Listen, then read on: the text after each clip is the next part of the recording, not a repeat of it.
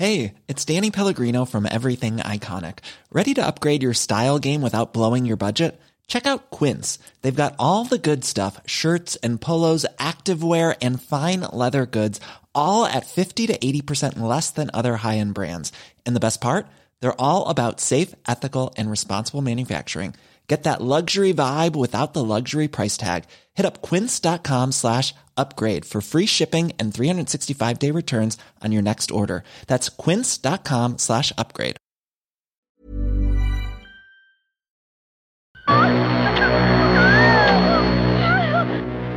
Michael? Halloween. I spent eight years trying to reach him, and then another seven trying to keep him locked up because I realized that what was living behind that boy's eyes was purely and simply evil. Välkommen till skräckfilmscirkeln och idag ska vi hoppa över en mur och av någon anledning plötsligt kunna köra bil, ta på oss en vis gummimask och flåsa runt i glans- grannskapet och sen slasha upp lite ungdomar hit och dit förstås. Vi ska prata om slasherfilmens urfader i form av John Carpenter och i samband med det ska vi också prata om filmen Halloween från 1978. Eller Alla helgons blodiga natt som den heter på svenska. Eh, det här är en av The Big Bad som vi har pratat om länge att vi ska diskutera. Och nu är vi äntligen här. Eh, Fredrik, håller du med mig när jag säger att Carpenter är en av urfäderna till slasherfilmen? Mm, han är ju onekligen Eh, med och skapar den moderna slasherfilmen. Eh, alltså det här är ju verkligen en vattendelare eller en milstolpe utan all tvivel. Sen det har ju nästan blivit så här när man har snackat slasherfilmens historia. Att jag menar, det, det här är ju inte första filmen du har en maskbeklädd mördare som ger sig efter tonåringar eller personer överlag. Det finns det ganska gott om filmer innan, men den här skapar ju liksom sin egen genre. Så John Carpenter är ju onekligen med där på ett på ett hörn. Men han är ju inte ensam. Man får inte glömma bort Deborah Hill som var med och skrev manus väldigt mycket till den här. Så det, det är de två tillsammans. Men nog, jag, jag ska vara med på att säga att Carpenter onekligen är en av urfäderna till den moderna slasherfilmen. Ja, förra veckan när vi spelade in så hade jag en mancold utan dess like. Och jag tror att många hörde det på min röst till och med. Så. Eh, Den är borta nu för min del. Hur är din hälsa Fredrik? Jo, det är bra. Det, jag är trött däremot efter en lång veckas arbete. För vi spelar in det här fredag eh, kväll här. Eh, men nu, nu känner jag att eh, det är skönt att få slappna av, ta helg, snacka lite ja, favoritskräckfilm här. Så det ska bli trevligt. Ja. Jag var faktiskt och tog min andra dos igår. Så jag Hooray! är... ja, precis. Hela, hela skräckfilmscirkeln är fullvaccinerad nu. Och det är ju skönt. Men desto värre så har jag legat helt däckad hela dagen istället. Eh, jag, jag trodde inte jag skulle påverkas så illa utav sprutan. Men jag har liksom haft frossa och så här, Det var som att vara tillbaka till den här förkylningen jag hade förra veckan. Uh. Ja, men jag hade känningar första sprutan också. Det brukar gå över efter någon dag bara så. Och apropå känningar då så ska vi säga att eh, när vi spelar in det här så är det knappt fyra timmar sedan Sverige fick OS-silver i damfotbollen. Yay! Vilket är eh, riktigt härligt kan jag tycka. Mhm. Ska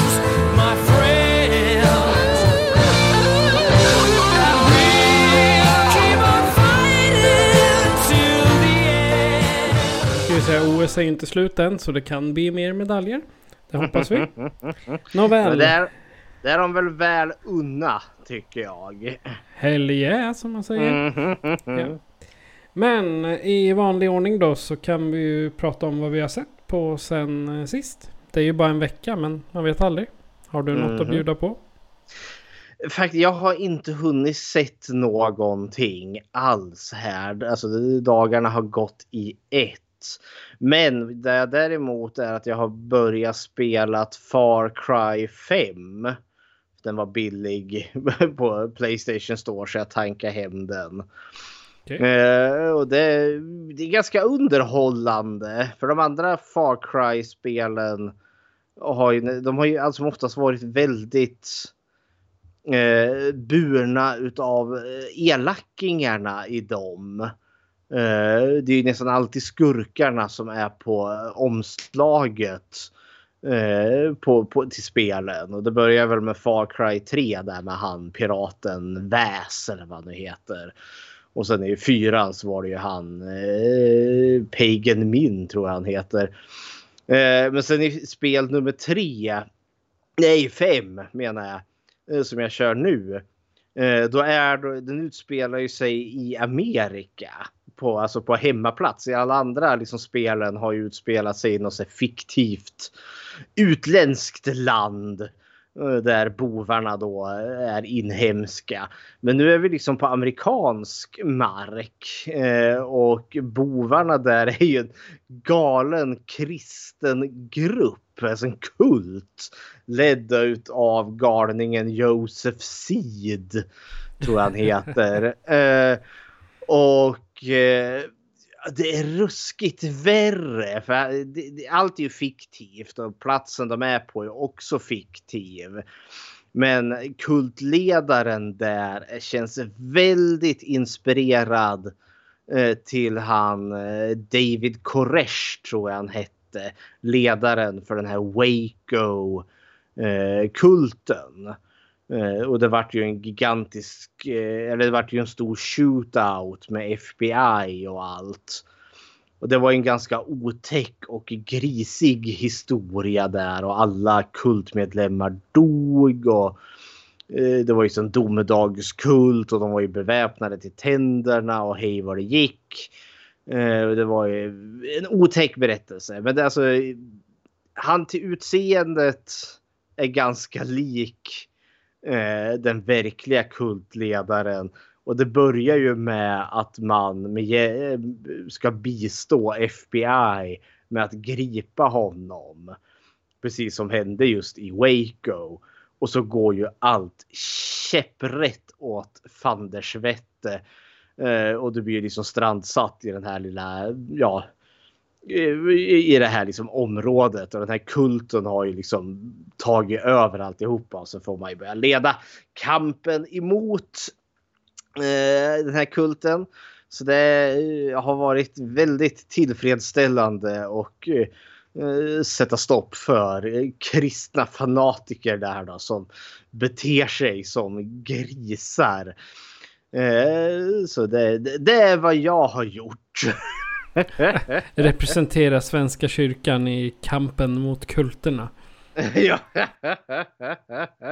Eller åtminstone i spelets kontext representerar Amerikas eh, stat som sätter punkt för en domedagskult.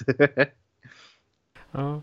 jag, har, jag har inte sett någon, någon film överhuvudtaget de här dagarna. Däremot så har jag läst ut Dr. Sömn äntligen av Stephen King.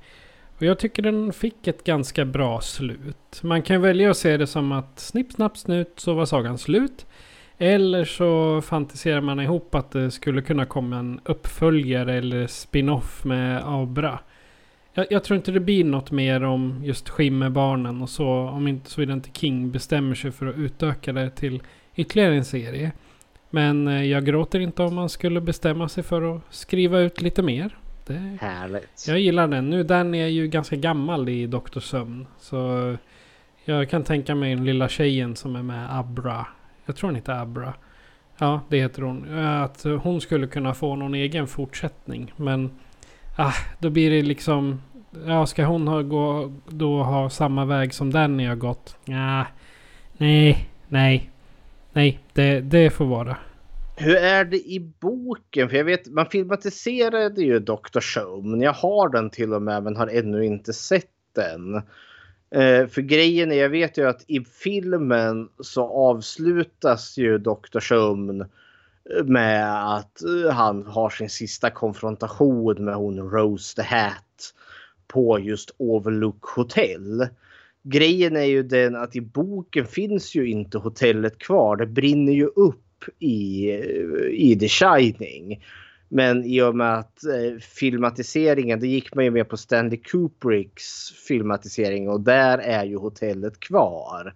Hur är det i boken? Dyker, alltså är de någonsin? Alltså i boken så är Overlook finns... Själva hotellet i sig finns inte kvar. Nej. Men det har blivit en camping där hotellet stod. Ja ah, okej. Okay. Och det är vid den campingen som nästan the endgame utspelar ah, okay sig. Då. Så då och sen är... är... det ju liksom, det, det kanske är en 30 eh, sidor kvar när själva striden med Rose the Hat är är borta. Ja, ja. Så jag vill inte spoila hela nej, boken. nej men då så, för det, jag... då, då, vet jag liksom att Overlook finns inte. Men de är liksom på grunden utav Overlook. ja, un, ungefär något sånt. Det, jag, har, jag har inte sett filmen ännu heller. Mm. Så att uh, jag ville läsa boken först ja. och sen se filmen. Så att... Ja, nej men det är vad jag har uh, kunnat bjuda på. Annars så har jag inte gjort och inte tittat på särskilt mycket. Ja. Men eh, jag tänkte vi ger oss in i dagens tema då. Som är eh, John Carpenter. Och jag säger eh, Take it away. Ja. Vad kan man säga om John Carpenter som inte redan är sagt? Uh, men jag kör en liten, alltså det blir mest en liten sammanfattning om honom och hans uh, filmer. Men John Howard Carpenter, han är ju född den 6 januari 1946 i New York. Men de flyttade väl sen då han och hans familj till Bowling Green, Kentucky där han växte upp. Uh, han hade ett ganska tidigt filmintresse. Han gillade mycket science fiction och westernfilmer. Uh, och framför allt så gillade väl han Eh, filmer utav den här filmregissören Howard Hawks. Eh, och han har ju gjort eh, väldigt mycket alltså, västernfilmer och har varit enormt trendsättande där. Men då visste han liksom redan från tidig ålder att film det är vad han vill arbeta med. Eh, och han hamnade ju då i Western Kentucky Universe där han tog någon form av ja, filmmagister. Eh, och eh, ja, men liksom lärde sig allt vad man nu behöver veta att liksom göra film. Allt från manusförfattande till eh, ja, filmteknik och allt vad det är. Men han var ju framför allt väldigt intresserad utav eh, musik och att liksom ljudsätta sina egna filmer. Så han har gjort lite smått och gott men hans första liksom som brukar räknas som hans liksom eh, långfilmsdebut. Det är den här filmen Dark Star från 1974. Som egentligen är någon form av science fiction komedi. Eh, och den var väl kanske inte så märkvärdig i sig själv. Men det som är roligt är just att han skrev den här tillsammans med Dan och Bannon. Och Dan O'Bannon han kom ju att skriva manuset till Aliens sen. Så han gick ju onekligen och påverkade science fiction-genren och han har ju också sagt att Dark Star var ju, eh, han hämtade en hel del inspiration från Dark Star till, eh, ja, när han skrev manuset till Alien. Och faktum är att jag har för mig att jag har någon sån här dålig DVD-utgåva utav Dark Star där man på omslaget då bokstavligen har någon jäkla sinomorf i bakgrunden. Att liksom kapitalisera John Carpenter och eh, Aliens. Så eh, jag vet inte om det är någon bootleg jag har eller inte. Eh, men eh, han, jag, jag, kollade på någon eh, dokumentär här om honom och han Eh, Eh, Carpenter själv sa väl att liksom efter att han hade gjort den här långfilmen så trodde han liksom att nu, nu har han fått in foten i Hollywood. Liksom nu, nu kommer livet liksom bara rulla på. Han har liksom regisserat sin första film. Men det blidde inte riktigt så. Eh, och istället var han liksom tvungen att, eh, ja, han var ju tvungen att överleva på något vis och vänster. Så han har skrivit liksom en hel del manus, alltså då hjälpt till och liksom co-writed. Och han trivdes väl ganska väl med det. Men hans, ja, han vart eh, lite snopen över att regi, alltså att hans regidebut, eh, regi, regissör karriär inte tog vid. Men hans andra långfilm kom ju 1976. Som är ju då The Assault on Persing eh, 13. Eh, som är då hans eh, modernisering utav Howard Hawks Rio Bravo westernfilm. Och Rio Bravo handlar ju om ett gäng, ja, sheriff och i, i andra hjältar som typ blir belamrade eh, när de ska slåss mot, eller ja, de blir belägrade utav ett gäng indianer tror jag det är. Jag ska inte ta gift på det. Men Assault on Persing 13 handlar ju verkligen om alltså, men, eh, polishuset 13 eh, Eh, som håller på att stängas för att det ska läggas ner. Men så är det någon man som har lyckats stött sig med en gängledare som bara i panik flyr dit. Och det här gänget liksom belägrar det här eh, polishuset. Eh, och jag tänker här börjar man också få se Eh, lite av det som blir ganska typiskt för Carpenter. Uh, dels hans hela tiden hans liksom förkärlek till Howard Hawks som han gärna smyger in på ett eller annat sätt. Eh, här har han ju tagit själva konceptet men gjort det liksom i en modern 70-tals setting. men också att sättet han filmar på. Carpenter gillar ju gärna att liksom ha steadicams. Vi har liksom inga handhållna kameror här. Eh, vi har alltså oftast väldigt naturligt ljus. Det är inte så mycket liksom tillagt ljus som lyser upp scenerna utan eh, allt som oftast liksom naturligt ljus eller minimalistiskt ljus. Och framförallt widescreen. John Carpenter är en stor fan utav widescreen. Och eh, något som också är utmärkande är ju att Carpenter gärna liksom vill satsa eh, alltså på karaktärerna, alltså karaktärernas utveckling, ha välskrivna personligheter än vad han vill liksom fokusera på våldet och på blodet och specialeffekterna. Det är kanske lite därför Carpenter har funkat för liksom att han Alltså hans karaktär, karaktärerna som finns med i hans filmer är alltså oftast väldigt mänskliga. Det är lätt att hitta någon form av kontakt till sig själv. Men sen då för, kanske framför allt är väl musiken. John Carpenter gör ju väldigt mycket sin egen filmmusik. Och det är ju väldigt synt eh, tungt. och eh, jag tänker vi ska lyssna lite på eh, så vi kan få lite känsla för eh, John Carpenters musik. Så vi kör igång musiken till The Assault on Persint. Eh, Persint 13. Precinct. Precinct. Precinct. Assault on Precinct 13.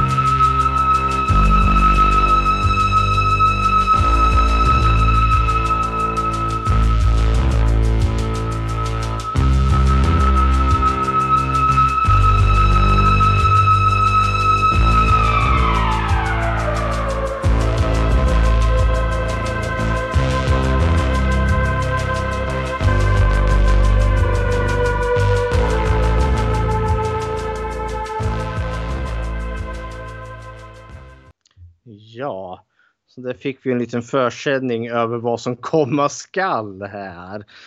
Uh, assault on person. Take it away Patrik. Assault on. Precinct. Precinct 13. Fick ju en uh, remake 2005 har jag för mig. Uh, och då har man väl bytt ut det här gänget mot ett gäng korrupta snutar eh, som behöver få väck ett vittne som sitter fast, eh, ja inlåst här då. Så det blir de schyssta snutarna mot de oschyssta snutarna där. Eh, ja, tillsammans med en Samuel L. Jackson. Nej, det är väl inte Samuel Jackson. Det är väl... Vad heter han? Är det inte? Lawrence Fishburne är det väl? Ja, det är den andra. Han är så jäkla lik Samuel L. Jackson. Det är därför jag, jag blandar alltid ihop de två. Mm. Så, och sen kommer ju då till film nummer tre som är ju hans stora genomslag och det är ju då Halloween 1978. Eh, och där, jag menar, det finns redan mängder sagt om den. Men vi kör väl lite snabbt, kort och koncist. Eh, Carpenter vart ju kontaktad utav producenten Irvin eh, Jablans. Irvin Jablans. som då hade ett manus eh, som han ville då eh, få gjort. Han, hade, eh, han ville liksom kapitalisera lite på den här, ja men en, en thriller lite i samma anda som, eh, ja vad heter det nu? Eh, When a stranger calls eh, kom väl lite i kölvattnet här och det var ju en sån eh, otäck liten thriller om en eh, barnvakt som blir terroriserad av en flåsig eh, äckelpäckel människa. Eh, som gick väldigt eh, framgång, som var väldigt framgångsrik. Eh, och eh, han ville väl kapitalisera lite på det och ville göra en film som han ville kalla för The Babysitter Murders. Som ja, barnvaktsmorden då. Eh, och han kontaktade Carpenter eh, och se om han var intresserad av att göra den här filmen. Eh, med en väldigt liten budget på typ 300 000 dollar. Och Carpenter tackade ja eh, mot, eh, alltså med om han nu fick kreativ frihet att liksom göra den här filmen utan att ha Irvin andas i nacken där. Och det fick han ju. Så han fick liksom göra helt och hållet fritt. Nu hör det ju till här att det är nu hon, eh, eller det är inte nu, eh, Deborah Hill fanns redan med i Assault on Precinct 13. där träffades ju de och de inledde ju till och med lite en intim relation där i början. Eh, och de tillsammans sitter ju nu och börjar liksom pnula på The Babysitter Murders och sen kom de ju på här att ja men halloween, alltså själva högtiden. Det, eh, de kom på liksom, det har inte gjorts en enda film där liksom halloween är liksom den stora högtiden filmen utspelar sig kring. Så varför inte göra det? Då har de ju gimmicken där. Och sen döper vi filmen till Halloween. För det har inte funnits någon Halloween-film innan. Eh, sagt och gjort så gjorde de det. Eh, det var till och med snack här då också om att eh, det här skulle vara en uppföljare till Bob Clarks Black Christmas från 74. Att Michael Myers då skulle vara mördaren i den filmen, Billy som vi inte får eh, som, vi, som man inte får se i den filmen. Och då tanken var ju då, ja, men, eh, att Billy då blir gripen efter händelserna i Black Christmas och sen rymmer från mentalsjukhuset i den här filmen. Eh, men de skrotade den tanken och det var nog ganska bra tror jag. Dels också för att Billy han tenderar ju att prata en jäkla massa. Eh, men eh, vad heter det? Eh, det gör ju inte Michael Myers. Det är en ganska tyst karaktär. Nej, men så den fick stå på egna ben.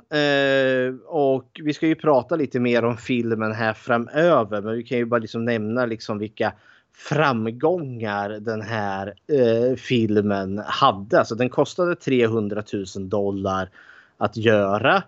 Eh, och jag tror den har spelat in ungefär 65 miljoner dollar. Vilket gör den till en av de mest framgångsrika independent-filmerna i historien. Eh, som eh, vanligt, jag lyssnade lite på kommentatorspåret till eh, på min Blu-ray här.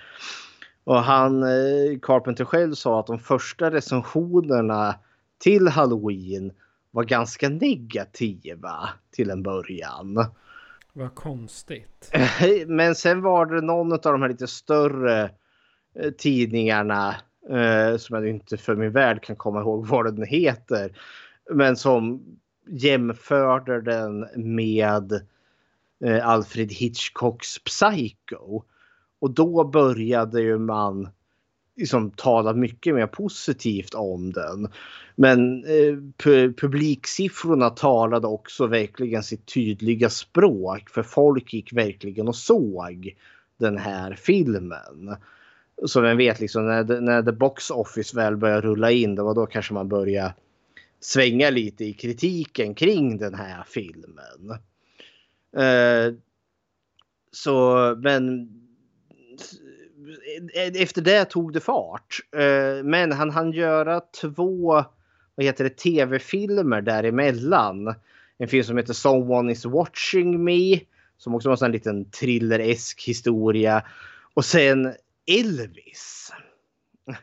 en film då om Elvis Presley.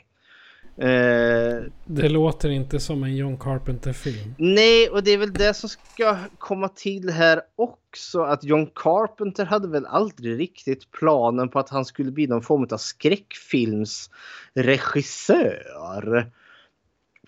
Men det var det han blev i stort sett och det är inte mig emot för han är jäkligt duktig på på det.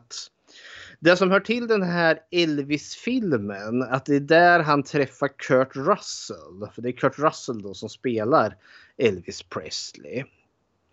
Eh, men då eh, direkt efter, eller ja direkt, men i framgångarna utav Halloween eh, så vart det väl liksom att ja men här har vi vårt nya eh, stjärnskott på skräckfilmshimlen. Så då fick ju han, då gjorde ju han då The Fog. Eh, som kom 1980. Som han då beskrev var inspirerad utav Easy Comic och Tales from the Crypt. det kändes väldigt passande efter vårat förra avsnitt här. Och jag kan se det nu när han uh, snackar om det. Uh, men där, nu ska vi höra lite musik från The Fog.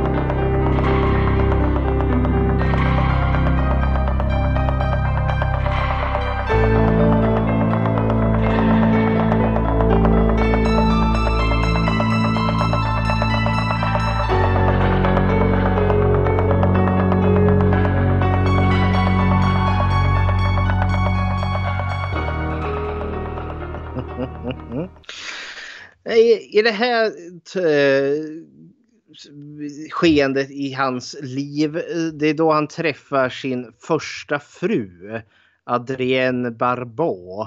Eh, han träffar henne under just filminspelningen av Halloween. Han hade ju som sagt en romantisk relation med Deborah Hill. Men den tog ju slut för sen gifter han sig med Adrienne 79. Men det äktenskapet tar slut sen 84. Sen gifter han sig då med Sandy King. Och de har väl varit gifta sen dess. Nu är jag inte riktigt säker på när de gifte sig men de gör det i alla fall. Men här på 80-talet, alltså tidigt 80-tal, då är han verkligen uh, alltså på sin heyday Carpenter. För 80 gjorde ju så då The Fog och den gick, eh, den gick eh, framgångsrikt eh, fram. Alltså spelade in sin budget. Sen i 81 gjorde han ju då Flykten från New York, Escape from New York, där han då återigen samarbetar då med Kurt Russell som han träffade när de spelade in Elvis. Och, och, och han återigen samarbetar med Donald Pleasant eh, som då spelar Dr. Loomis i Halloween. Eh, men här ska vi också lyssna på musiken från Escape from New York.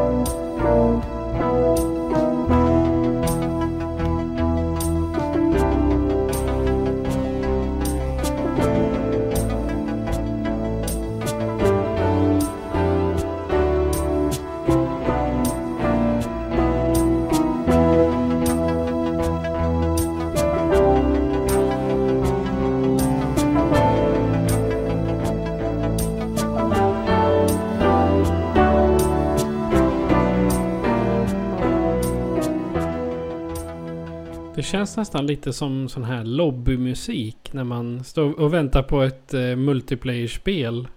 Modern Warfare eller någonting. man står och väntar på att uh, matchen ska börja. Det, det, är nästan lite samma stil. Mm. Alltså jag tror nog att uh, den här Escape from New York och Halloween och tillsammans med The Thing. Det är nog de filmer jag har sett mest utav John Carpenter. Och de är, ja det är mums enligt mig. Har du sett Flykten från New York? Nej, ja, jag har säkert gjort det. Men jag kommer inte ihåg. Ja.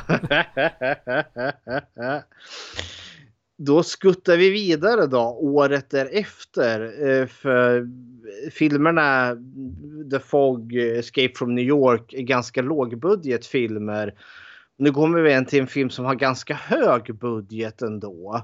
Och det är ju då The Thing från 1982 som vi har avhandlat ganska tidigt här i podden. Jag tror det var vårt monsteravsnitt. Då vi ja, snack... Femte eller sjätte avsnitt. Något sånt. Eh, och eh, då återigen är det Kurt Russell med och spelar huvudrollen där. Och det här är ju då ett litet kärleksprojekt till eh, hans stora favoritregissör Howard Hawks. Som då gjorde filmen The Thing from another world. Så The Thing är ju då remaken från The Thing from another world. Som också är den skräckfilm som eh, barnen eh, sitter och tittar på i Halloween. Så du ser, det, det, det går igen här. Och det här tror jag är kanske min, en av mina absoluta favoritskräckfilmer. Och vi ska lyssna på musiken från The Thing också.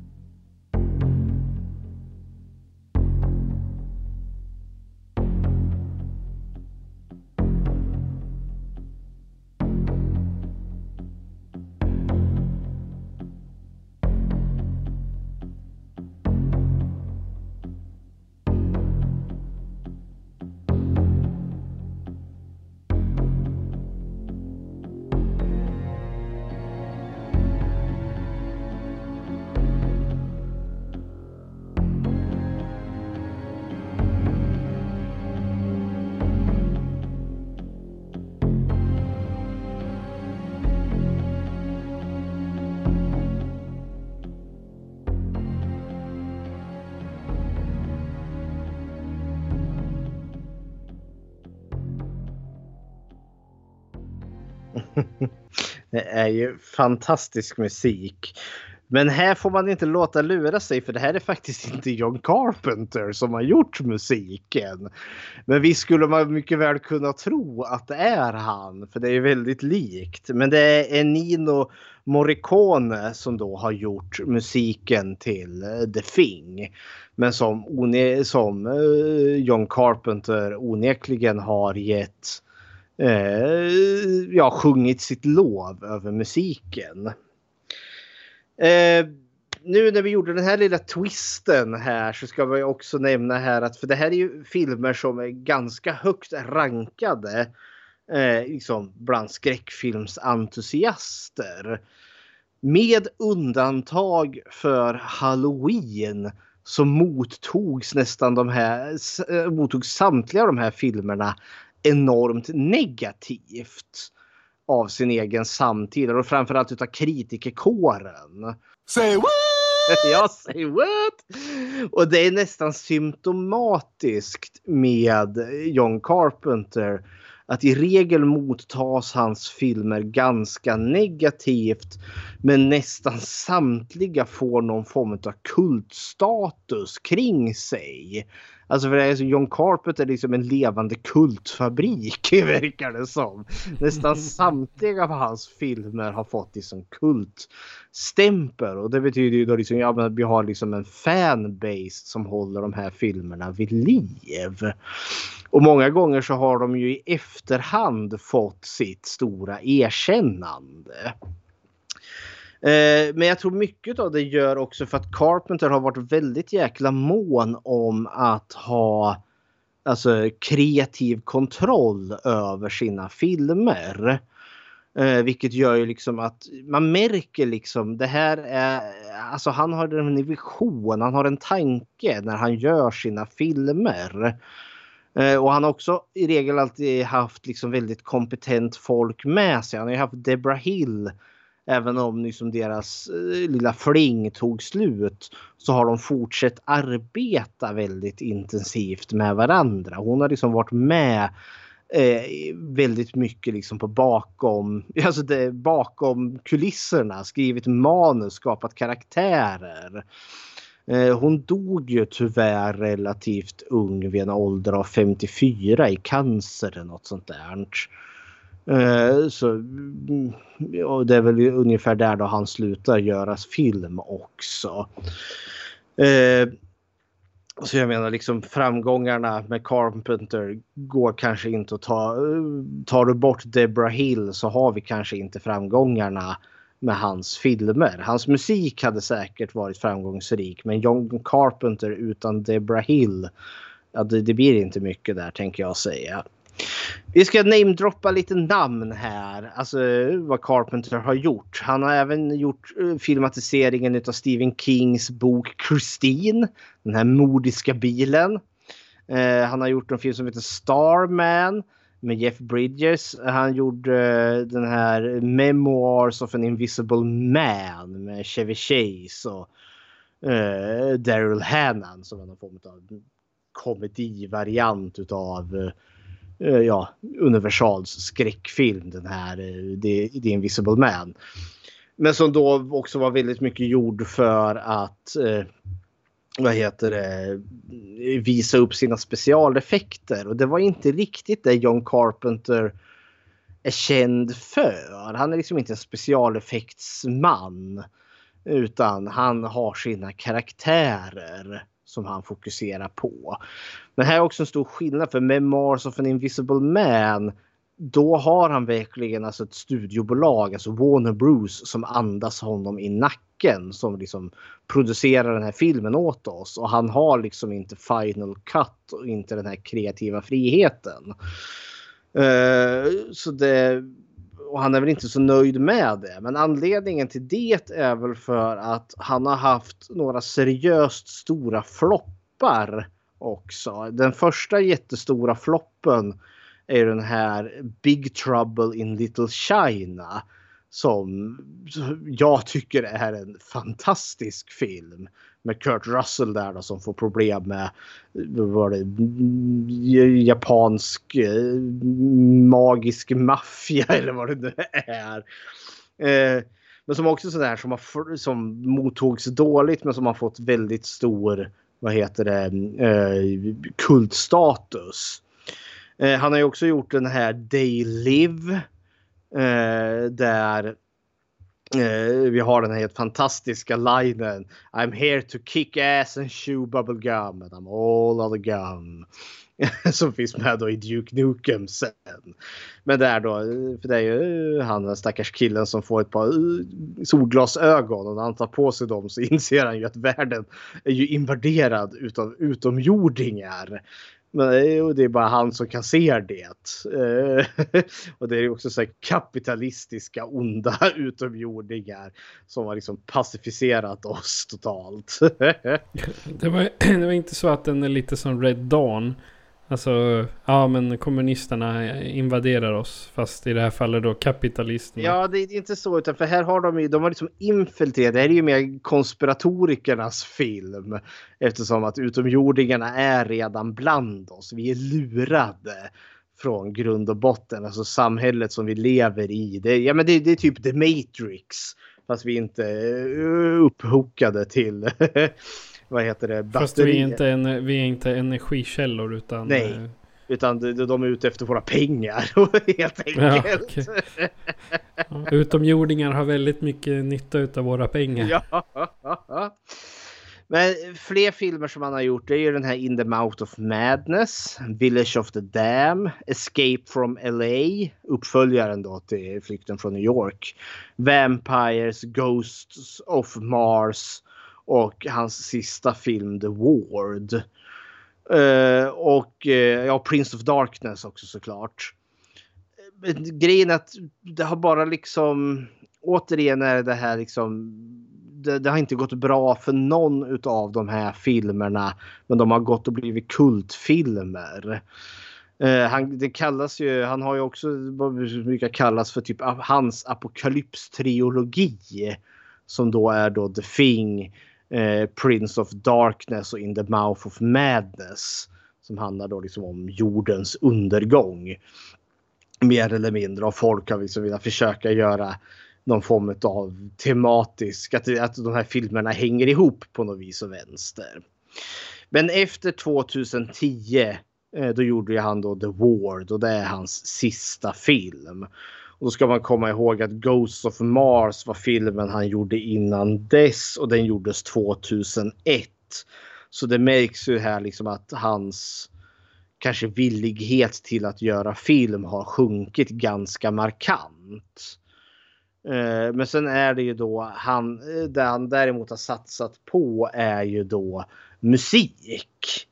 Eh, och det är väl det hans hjärta finns i. Och det som hör också till här med att eh, kanske inte att han gör så mycket film är också för att han vägrade underkasta sig filmbolagen. Han ville ju ha kreativ frihet.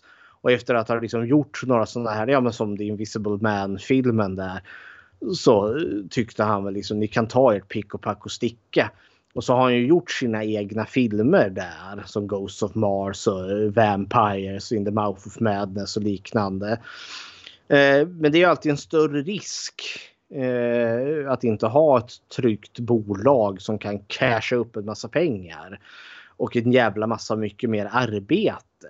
Men de här filmerna tenderar ju också liksom att leva kvar i folks eh, medvetande och ha någon form av fanbase.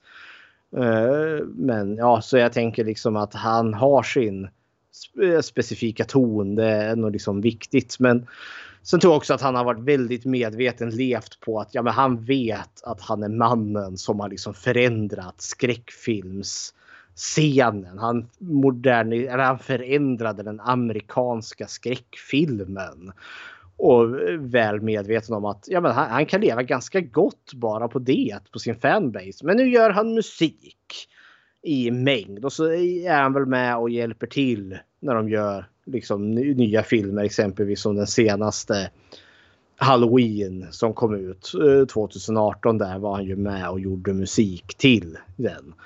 Så, men det är liksom John Carpenter kort och gott. Eh, vad kan man säga? Liksom, han är en man som har liksom gjort film på sitt sätt. Och det, eh, de flesta av hans filmer har inte mottagits väl av kritikerna men utav fansen däremot. Och han är väl liksom bland de här sista liksom originalen till regissörer. För han är fortfarande med i matchen vid en ålder utav 73. Men det var då min korta lilla sammanfattning utav John Carpenter och eh, hans eh, filmer. Okej. Okay. Ja, John Carpenter hör ju till The Big Bad höll jag på att säga. jag ska ju säga han är i samma stil som Vincent Price, Boris Karl, Karloff. Ja. Alltså när det gäller att vara känd liksom. Jajamensan. Och, han är ju ett givet namn på skräckfilmshimlen. Ja, och trendsättande kanske man ska säga. Ja, helt klart. Ja. Yes, men eh, nog om eh, John... Eh, John Carr höll jag på att säga. Det är en helt annan person. Eh, nog om John Carpenter så eh, nu går vi vidare då till mästerverket Halloween eller Alla helgons blodiga natt från 78. Och här kommer en trailer. I spent eight years trying to reach him and then another seven trying to keep him locked up because I realized that what was living behind that boy's eyes was purely and simply evil.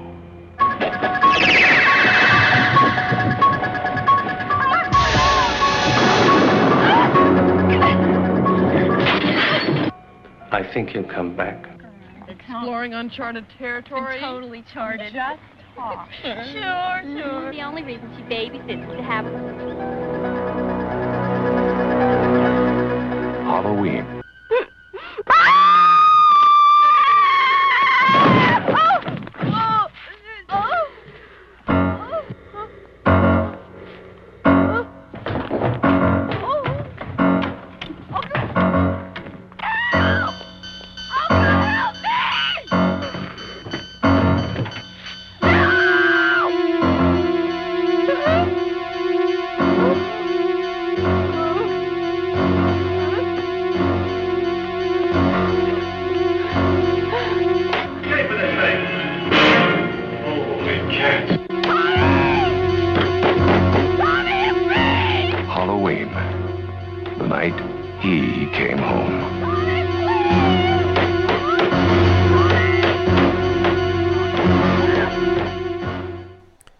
Halloween-natt vaknar staden Haddonfield till skriket från en tonåring.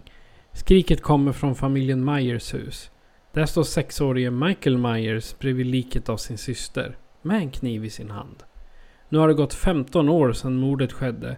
Många tror att det är en myt eller en spökhistoria. Men det är halloween även i år och Myers har rymt från mentalsjukhuset. Ondskan har hittat hem. Det är plotten till eh, Halloween från 1978 originalet med eh, John Carpenter i, med, eh, i arbetet bland annat. Fredrik, har du några initiala tankar till den här klassikern? Det här är en väldigt bra film tycker jag. Och den här filmen har vuxit med mig vartefter jag har blivit äldre. Och jag har liksom uppskattat den på olika sätt. Eh, när jag var yngre tonåring då eh, kanske den här inte riktigt var favoriten. För att den har ett ganska lågt tempo, den har väldigt lågt kill count. Den är inte särskilt blodig. Eh, men den fanns liksom med på något vis och vänster. Alltså min introduktion till Halloween var ju när jag såg filmen Scream. West Craven där liksom 96. Där, där de refererar till den här filmen och visar klipp ifrån den. Och då vart jag ju nyfiken och intresserad och kände liksom hmm, jag vill veta vad det här är för film för jag förstår ju att den här sticker ut på något vis och vänster. Eh, sen tror jag att jag, det var film nummer fyra som var den första jag såg. Eh, den, den, den gav ju precis allt. Ett enormt blodbad i den filmen. Vilket gjorde den här väldigt, väldigt tam. Men det har alltid funnits, det, det är något i den som liksom ändå så gjorde att jag var hooked på något vis och vänster. Jag, jag har ändå så liksom sett om den här säkert 10-15 gånger vid det här laget. Uh, och ju äldre jag har blivit desto mer liksom uppskattar jag liksom uh, karaktärerna, miljön, dialogen. Den, den känns väldigt autentisk. Uh, och sen när jag blev ännu äldre och liksom insett vilket enormt lågbudgetprojekt det var och hur unga och ganska oerfarna de var då uppskattar jag mer tekniken liksom i hur de har filmat och liksom insett att det är väldigt mycket så gerilla style film. Alltså de har ju inte haft tillstånd utan de har ju liksom bara sprungit iväg där liksom. Ja, ah, nu måste vi filma på en skolgård. Har vi tillstånd till att filma på en skolgård? Nej, det har vi inte. Vi behöver en skolgårdsscen. Såna jävlar. Och likadant så. Vi gör det ändå. Vi gör det ändå. Ja, men liksom, det, det, finns någonting just att det, det, det, känns som att det finns, det finns en energi i den här filmen som jag uppskattar. Och sen måste jag ju vilja, alltså när filmens tredje akt väl kommer igång och Michael Myers börjar jaga Laurie Strode. Alltså då är det ju det, det, det är skräckfilmsguld hela vägen. Plus också att den är så trendsätt berättande. För jag såg, vi, vi hade ju den här på skräckfilmscirkeln på ABF. Alltså våran fysiska studiecirkel. Och då var det en av deltagarna där som sa liksom att men oj, är, är det den här som har skapat klyschorna? Och då sa jag ja, det är här de kommer ifrån. Just mördaren som bara inte dör, liksom masken och allt. Liksom. Det kommer ju från den här filmen. Och det är det som också känns liksom att ja men alla slasherfilmer som har kommit efter den här har ju liksom någon del har ju hämtat något härifrån. Jag menar det är ju halloween och fredagen den 13 som är liksom urmoden till den liksom moderna slasherfilmerna. Så mina initiala tankar är att liksom halloween har liksom Eh, Eh, har vuxit med mig och ju äldre jag har blivit desto mer uppskattar jag den och jag hittar i regel alltid någonting nytt. Den här blir liksom inte träig och dålig. Jag, jag tröttnar inte på den. Jag ser den nog kanske i regel en gång per år nu. Eh, och jag liksom blir alltid glad när jag ser den. Det är mina initiala tankar till Halloween. Mm, till att börja med så, det här är en gammal film. Så vi kommer ju spoila. Jag ska bara nämna det. Och jag ska säga, det är väldigt få filmer som fortfarande är lika spännande idag som när de kom. Ta till, jag ska lägga till Night of the Living Dead exempelvis. Då sprang ju folk ut ifrån teatrarna för de trodde att det var zombieattack. Men Halloween skulle mycket väl kunna vara samma sak. Liksom, folk skulle dra ut ifrån eh, eh, bion. Inte för att filmen är läskig utan för att den är så absurd. Att det är nästan naket och ungdomar som håller på och snuskar sig. Liksom. Så. Men när, eh, när man till första gången ser Halloween, det vill säga den från 78, så ska man ju tänka på det som du nämnde att du hade en låg budget på 300 000 och det var inte en Hollywood-produkt utan det var ett gäng 20-åringar. Och jag menar, det jag älskar med Halloween är just hur trendsättande den är när det gäller att ha med den här skurken som aldrig dör. Och så har vi kopiorna på det. Fredag den 13. Elm Street. Scream. Uh, na, uh, Texas Chainsaw Massacre. Där har vi skurkar som aldrig dör liksom. Och just det här uh, temat för tonåringar som förföljs av en galning. Det, det är också flera gånger det har kopierats. Ja, jag säger Scream igen. Om man skulle kunna säga en generation som växte upp med Scream och tyckte det var en bra skräckfilm. Så ja, de är nog de förlorade som, som missade Halloween från 78. Eller så skulle jag hävda att de barnen är de som växte upp till eh, den generationen som växte upp med Halloween. Mycket möjligt. Scream är näs, var nästa generation. Det är så här Halloween, the next generation. Typ. Ja, ja. Men eh, i den här eh, serien med avsnitt om just eh, Halloween så kommer vi ändra en liten sak. Först pratar vi om karaktärerna och platsen som är nästan samma ställe hela alla filmerna. Men eh, Eh, sen kommer vi ta de två M. Det vill säga Michael och morden. För Michael Myers är ju hotet genom alla filmerna. Men vi vill ju påpeka här då att han... Vad ska man säga? Han, han visualiseras olika. Precis som vi gjorde med Pinhead de, och Hellraiser. Jag menar de, de tolkas olika i olika filmer. Så är vi överens där. Vi är ju det. Men det har ju också till för den som kan sin franchise att Michael Myers är ju hotet i nästan alla filmer. Just det, nästan. Så är det. Oh, vad spännande. För den som inte vet. Men jag vet, jag tänker att alla entusiaster som lyssnar här har nog full koll på att i film nummer tre så är ju Michael Myers inte ens med. Exakt, och så är alla, alla, alla som har hört alla andra poddavsnitt från alla andra hundra filmpoddar, tusen filmpoddar som har pratat om Halloween. Men det är alltid kul att höra olika tolkningar. Alla Mhm. har olika åsikter.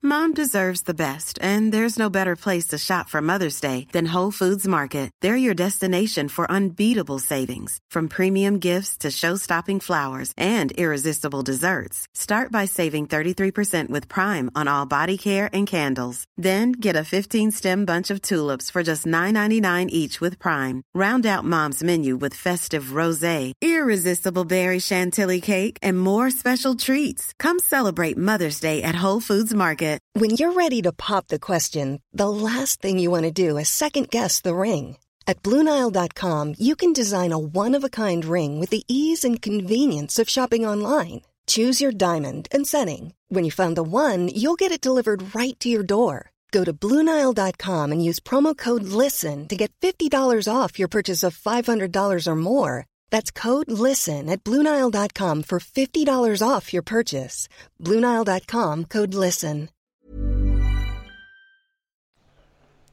Ja, men eh, jag tittade på IMDB och fick så här den som har mest betalt och det är Donald Pleasence eller Mm. Dr. Loomis.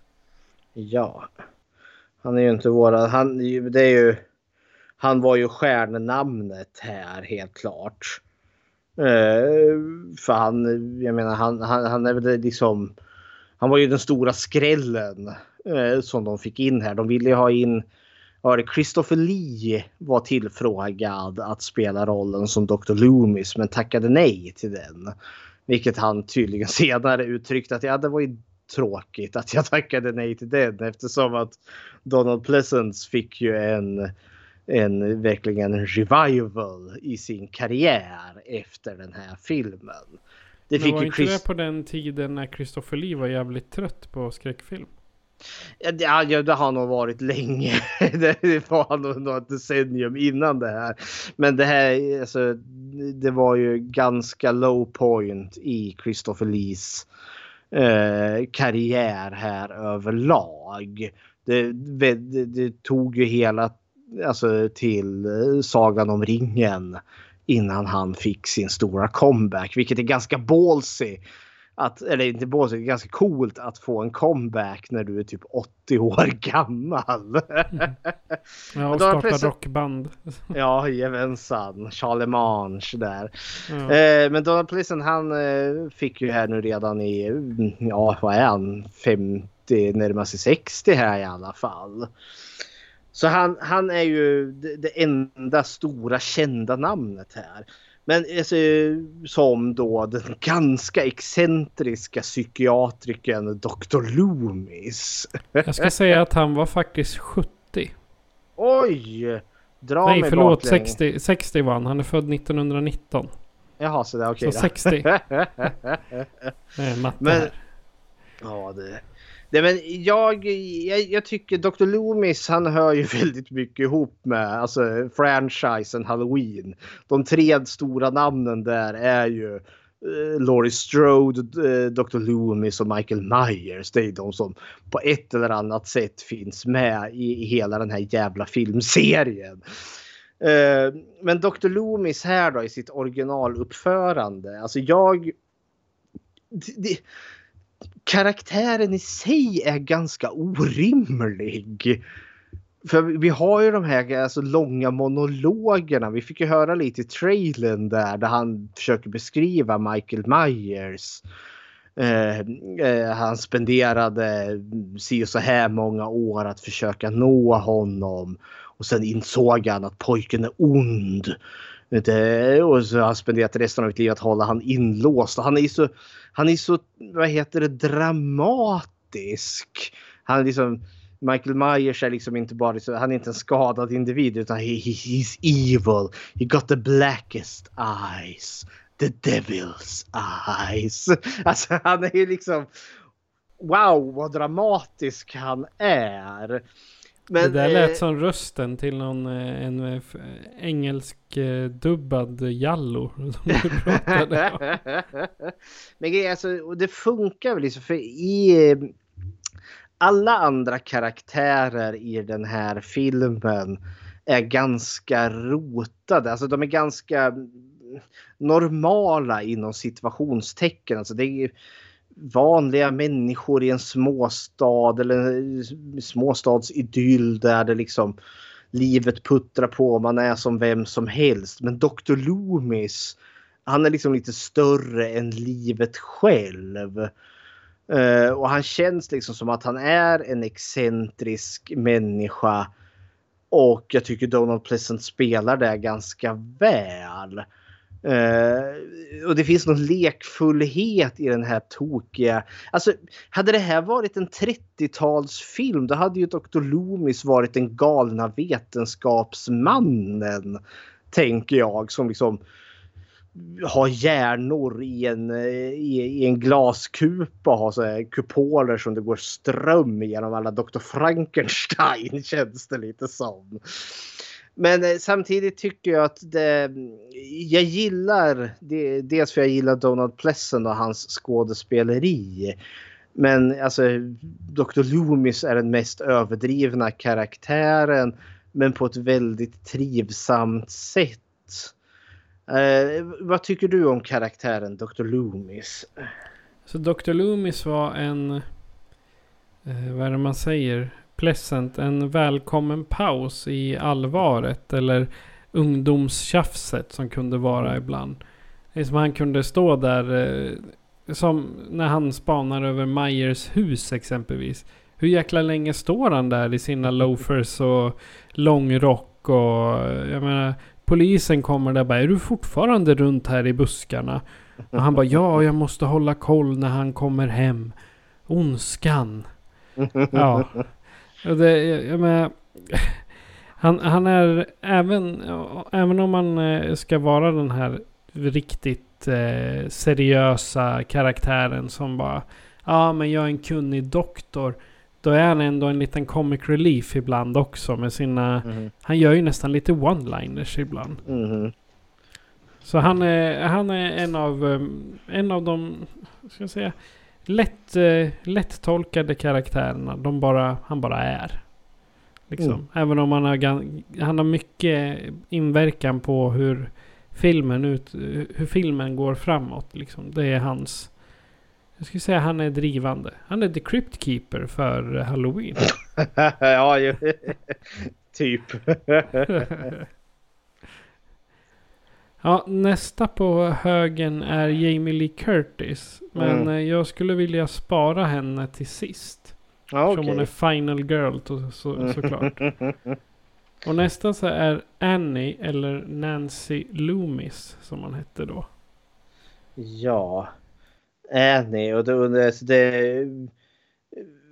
det, det, är väl, eh, vad heter det, en utav mordoffren i den här. Det är väl hon, den andra barnvakten antar jag. Eh, som är barnvakt till Lindsay. Som är på andra sidan gatan där. Hon som ska försöka para ihop. Uh, Laurie Strode med, vad heter han nu? Ja, den, eh, Ben eh, Tamer heter han väl. Ja, som man aldrig, som man aldrig får se. I den här filmen. Nej, precis. Men eh, för hon... Eh, alltså det är ju en trio här. Vi har ju Laurie Strode, Annie och Linda. Och hon är ju liksom... Annie är väl liksom den mer... Om Laurie Strode är liksom den, den tillbakadragna, lite reserverade eh, så är ju Annie lite mer fri eh, sinnad eh, men också en ganska smart karaktär. Alltså hon känns liksom som att hon är liksom, ja, men det, det, det finns ett skarpt sinne där. Och hon är också dottern till sheriffen. I, förstår vi. Eh, men det är också glad, en glad karaktär. Och hon eh, som nu har åkt på att hon ska sitta barnvakt till, eh, vad heter hon nu då, Lindsay. Eh, det är jävla otur för pojkvännen sitter ju där någonstans där. Paul.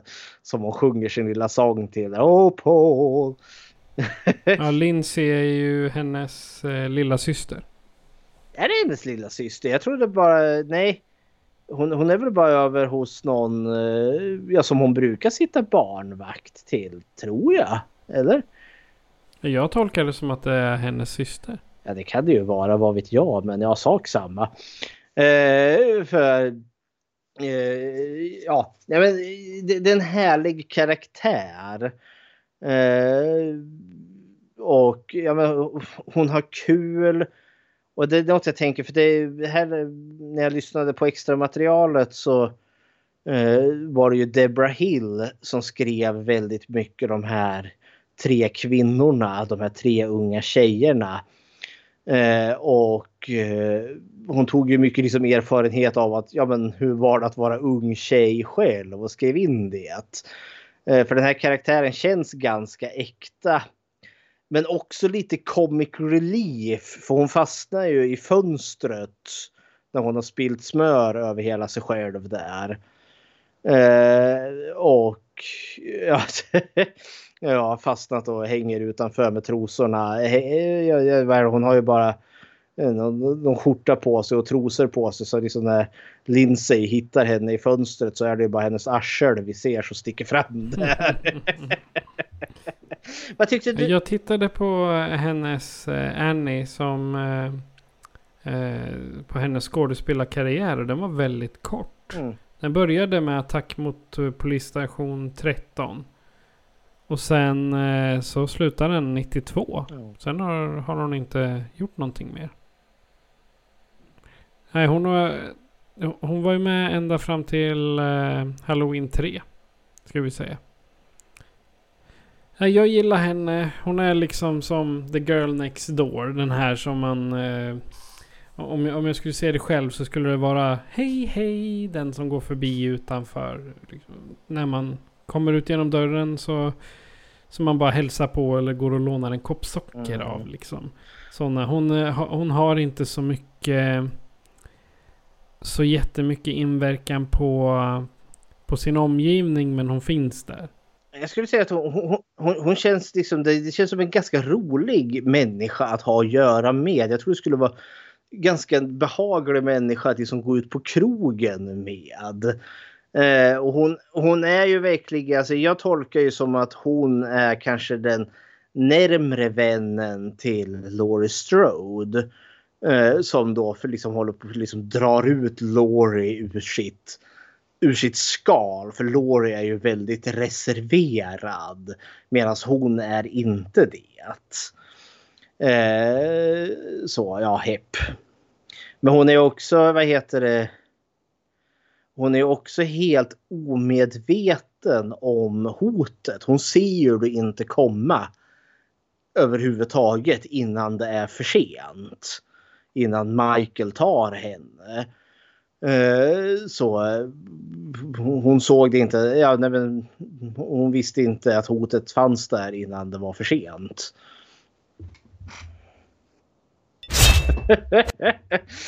Ska vi snacka mordet här då? Mordet på Annie. Ja. Eh, du får gärna börja för jag kommer... Jag har svårt att minnas exakt. hon är ju den, han överraskar ju henne i bilen där. Hon, när hon är ute och går där hon har, hon har ju, vad heter det, hojstat över Lindsay på, på, på Laurie. och eh, tar med henne till, eh, ja, går och sjunger sin sång där. Oh Paul, I like you, bä, bä, bä, bä. Jag kommer inte ihåg vad hon säger. Eh, och kommer ut till bilen, upptäcker att bilen är låst. Och liksom, ah fan, hon måste gå och hämta nycklarna. Och vi följer med henne och hon hämtar nycklarna. Eh, och hon sjunger den här sången och sen kommer hon tillbaka till bilen och så öppnar hon ju den. Och det här tycker jag är så smart liksom för att hon, hon tänker inte på det. Att, att nu är bilen upplåst. Den var ju låst alldeles nyss. Men hon har ju som gått och sjungit den här sången så jag, liksom, jag köper att hon är, Eh, inte tänker på det. Plus också att rutorna är nu fullständigt igenimmade och det är de ju för att Michael ligger ju i baksätet. Och så dyker ju han upp, attackerar henne, han tar ju ett stryptag på henne. Eh, och liksom trycker ner henne mot... Eh, alltså mot... Ja, mot han trycker ner henne i bilsätet. Eh, med, med, en hand. Med en hand. Och det, han är ju ganska stark och det kommer ju, han, han kommer ju bara bli ännu mer orimligt stark i filmerna som kommer härnäst. Men jag tänker också det, för det är ju liksom... Det är ungefär som att han stryper henne för hon kan ju inte riktigt skrika. Men man hör ju också hur han bara flåsar. Man får ju höra liksom hans stön. Det är ju nästan liksom som att han exalterar. Liksom. Och man liksom undrar. Jag, jag har liksom funderat ibland. Är det här någon form av säg en variant på en våldtäkt? Är han exalterad? Eh, men är han nödvändigtvis sexuellt exalterad? Det vet jag inte. Eller om han bara liksom är upphetsad för, för våldet. Men sen, sen tar han ju fram kniven och man ser bara hur kniven svischar till. Och man förstår liksom att den måste ha träffat henne. Vi får ju inte se kniven träffa henne. Eh, men eh, det förstår vi att där dör hon ju. Hon liksom sjunker ihop där och så hör vi biltutan som bara tutar och kör. Stackars Annie. mm. Okej, okay, men det är Annie. Hon är, hon är en glad person. Då. Ja. Och sen efter har vi Linda. Linda! Totally. totally, ja. Eller PJ Soul som hon heter egentligen. Och hon är ju andra kompisen. Uh, och hon, det är totally to Totally. Uh, och hon är också, det är också en karaktär som jag tycker jättemycket om. Men hon känns lite, hon, hon är lite mer bimbon. Hon är liksom, hon är också glad och sprallig. Men hon känns liksom betydligt mer, alltså ja, hon tar livet med en klackspark. Vem fan bryr sig om betyg? Vem behöver betyg när man har, hon har ju sin pojkvän Bob där. Eh, som hon är så glad i för hon gillar ju sex. Ja, det är mycket sex och droger. Eller ja, de dricker ju och röker marijuana förstår vi ju. Men alltså hon är verkligen, hon är en glad och bubblig tjej. Inte den vassaste kniven i lådan kan man ju inte påstå. Men hon bara sprudlar glädje. Och jag, jag, jag, tycker jättemycket om den här karaktären. Hon är typ totally en av mina favoriter i den här. Och det är totally så bara.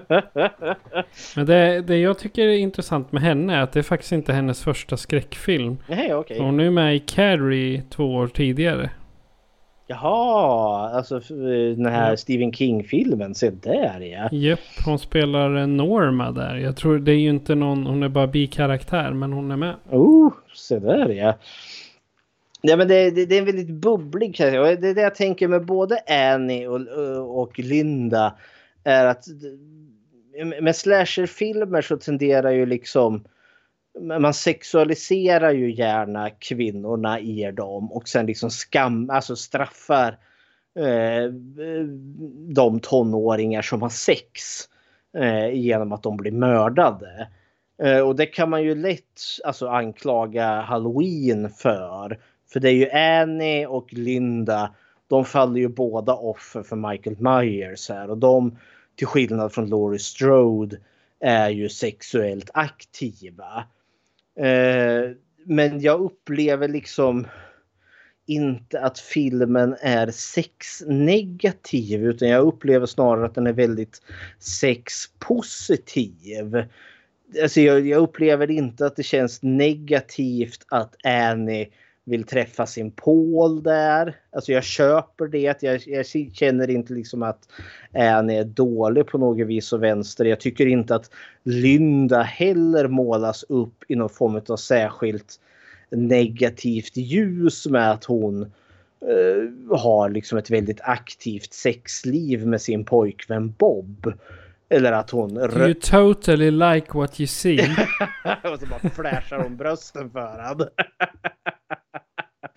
ja, nej men. Eh, jag upplever liksom nästan, alltså i en, ja men, i en värld post metoo. Eh, I en, liksom en värld med ett väldigt liksom, aktivt feministiskt uppvaknande. Så känner jag att de här, alltså Annie och Linda är två väldigt bra liksom, kvinnoporträtt över liksom, en ung kvinna som gillar att ta för sig. Sen just den här tolkningen att, att eh, de straffas för det. Att det är någonting som liksom filmakademiker gärna har velat skohornat in i Halloween-filmen. Att Michael Myers är någon form av han går omkring och hatar på ungdomar som har sex. Eh, eftersom att hans syster hade ju sex där i början förstår vi. Och så knivmördar han ju henne. Eh, och sen mördar han Annie som är ute efter, eh, som vill åka till sin pojkvän. Och så mördar han Linda och Bob som har haft sex. Så visst, jag kan förstå att den tanken har funnits där. Men Carpenter och Deborah Hill och många av dem, de har ju som sagt att nej, det stämmer inte alls. Utan de råkar komma i vägen för en jävla galning. det är det som är grejen. Jaha, nu har jag hållit låda om Linda här. Vad tycker du om Linda? Jag har sagt att hon är totally underbar. det behö alltså hon ligger också lite som, eh, som jag nämnde om Loomis, Dr. Loomis. Att hon är den här lite comic relief, bimbo. För det finns ju en sån i alla slasherfilmer. Den här som sitter och snurrar håret. Eh, filar naglarna i sängen. Det är ju väldigt eh, trevligt. och sen eh, går hem till en kompis bara. Nej hon är inte hemma. Bra då kan vi ta hennes säng och pöka i. Det är väl jättetrevligt. Ja, ja det, det, får jag väl ge liksom att det är lite jag vet inte om jag själv liksom, jag är över hos kamraten här, nej, men de verkar inte vara hemma. Ja, men då hoppar vi ner i sängen och har lite älskskog med varandra. Jag vet inte om jag riktigt hade, det är lite gränsöverskridande, det får jag väl erkänna. ja, men sen hon säger bara, gå och hämta en öl åt mig. Jaha. Ja, men det är inte deras kylskåp. Nej, och han går bara, han går bara och hämtar. men det är som sagt, Linda och eh, det är ju Bob hon har med sig mm. där. De är ju de är lite av comic relief. De är lite de har väl inte alla bestick i lådan mm. om man säger så, båda två. Så. Men det är lite mer lättsamma och de skulle liksom lätt passa in i någon form av tonårssexkomedi. Men det är precis Typ jag, American Pie. Ja, nej, men jag gillar det du säger där liksom för att det är lite mer comic relief karaktärer. Men sen har vi ju morden på de två. Och de är ju inte comic relief. Men jag vet inte, ska vi spara? Nu snackade vi om mordet på Annie. Ska vi spara morden till ett eget segment? Ja, vi sparar dem till de två M. Till de två M. Nu har vi, nu har vi redan kört Annies mord här. Men vi sparar på mordet på Bob och Linda här. Ja. Och sen är det Charles Cyphers, eller Bracket som han heter, karaktären. Det vill säga polisen han är ju inte, he- han är inte heller med så mycket men alltså det, det är ju det är ju det, det är ju pappa till Annie som blir mördad där sen senare. Och det känns ju lite så här liksom när jag det jag kan känna liksom med att han, han verkar vara en helhylles man i det här liksom. Och sheriffen i det här i Haddonfield. Och just att Haddonfield är ett trevligt område. Så jag brukar när jag ser den här filmen så brukar jag inte tänka så synd om honom. För jag tänker liksom att när den här dagen är slut då kommer hans tillvaro ha varit helt ställd på ända. För liksom, han kommer ju bli kallad till mordet på sin egen dotter sen. Så jag, jag har sån sympati för honom. För det liksom känns som att ja, men det här är ju faktiskt en genuint trevlig människa. Det lilla jag har sett av honom. Liksom, så porträtteras han som väldigt sympatisk. Ja, han är faktiskt med i den Halloween som kommer i år. Oj, minsann. Mm. Ska han Han äntligen... spelar Bracket där också. Han ska han äntligen få hämnd på Michael Myers. Där. Blåsa Mm. Myers åt helvete. Det skulle ju vara något. Ja, och efter, eh, efter Bracket i min lista så kommer ju Lindsay, den lilla tjejen. Ja, Lindsay och vi kan väl baka ihop eh, Lindsay och Tommy. Barnskådespelarna. Kyle, Kyle, Rick, Kyle Richards och Brian Andrews. Och de ska båda vara med i Halloween Kills också. Oh! Nej, inte Brian Andrews. Men eh, Kyle Richards ska vara med i Hall- Ah, Halloween ja. Kills. Åh vad spännande. Jag ser så mycket fram emot Halloween Kills. Eh, jag tycker de här, alltså barnskådespelare är alltid A och O. Eh, man vet aldrig riktigt vad man får och man kan inte kräva så mycket heller. Nu, nu får vi ju se mycket mer utav Brian Andrews som Tommy eh, än vad vi får utav Lindsay. Men jag tycker de här funkar, alltså de funkar väldigt väl. Och det återigen är väl liksom kanske tack vare Carpenter och Deborah Hill som lyckas göra, alltså jag köper att det här är typ 8-9-åringar på Halloween. Eh, 78 i Amerika där någonstans. De, de känns trovärdiga rakt igenom. Alltså det, det är väl det som är grejen kanske med Halloween överlag. Att alla de här karaktärerna med undantag för Michael Myers och Dr. Loomis känns trovärdiga. Alltså ja, jag, jag har inte mer att säga än det. Men att jag tycker det, de är bra och känns liksom, ja men det jag köper det här är en åttaårig pojke och en åttaårig flicka i, i, i 70-talets Amerika. Mm, inte riktigt. De var 12 respektive 9 Jaha, se där. så- som skådespelare. Så Men det känns som att de spelar yngre karaktärer. ja, definitivt. Vem var det som var 12?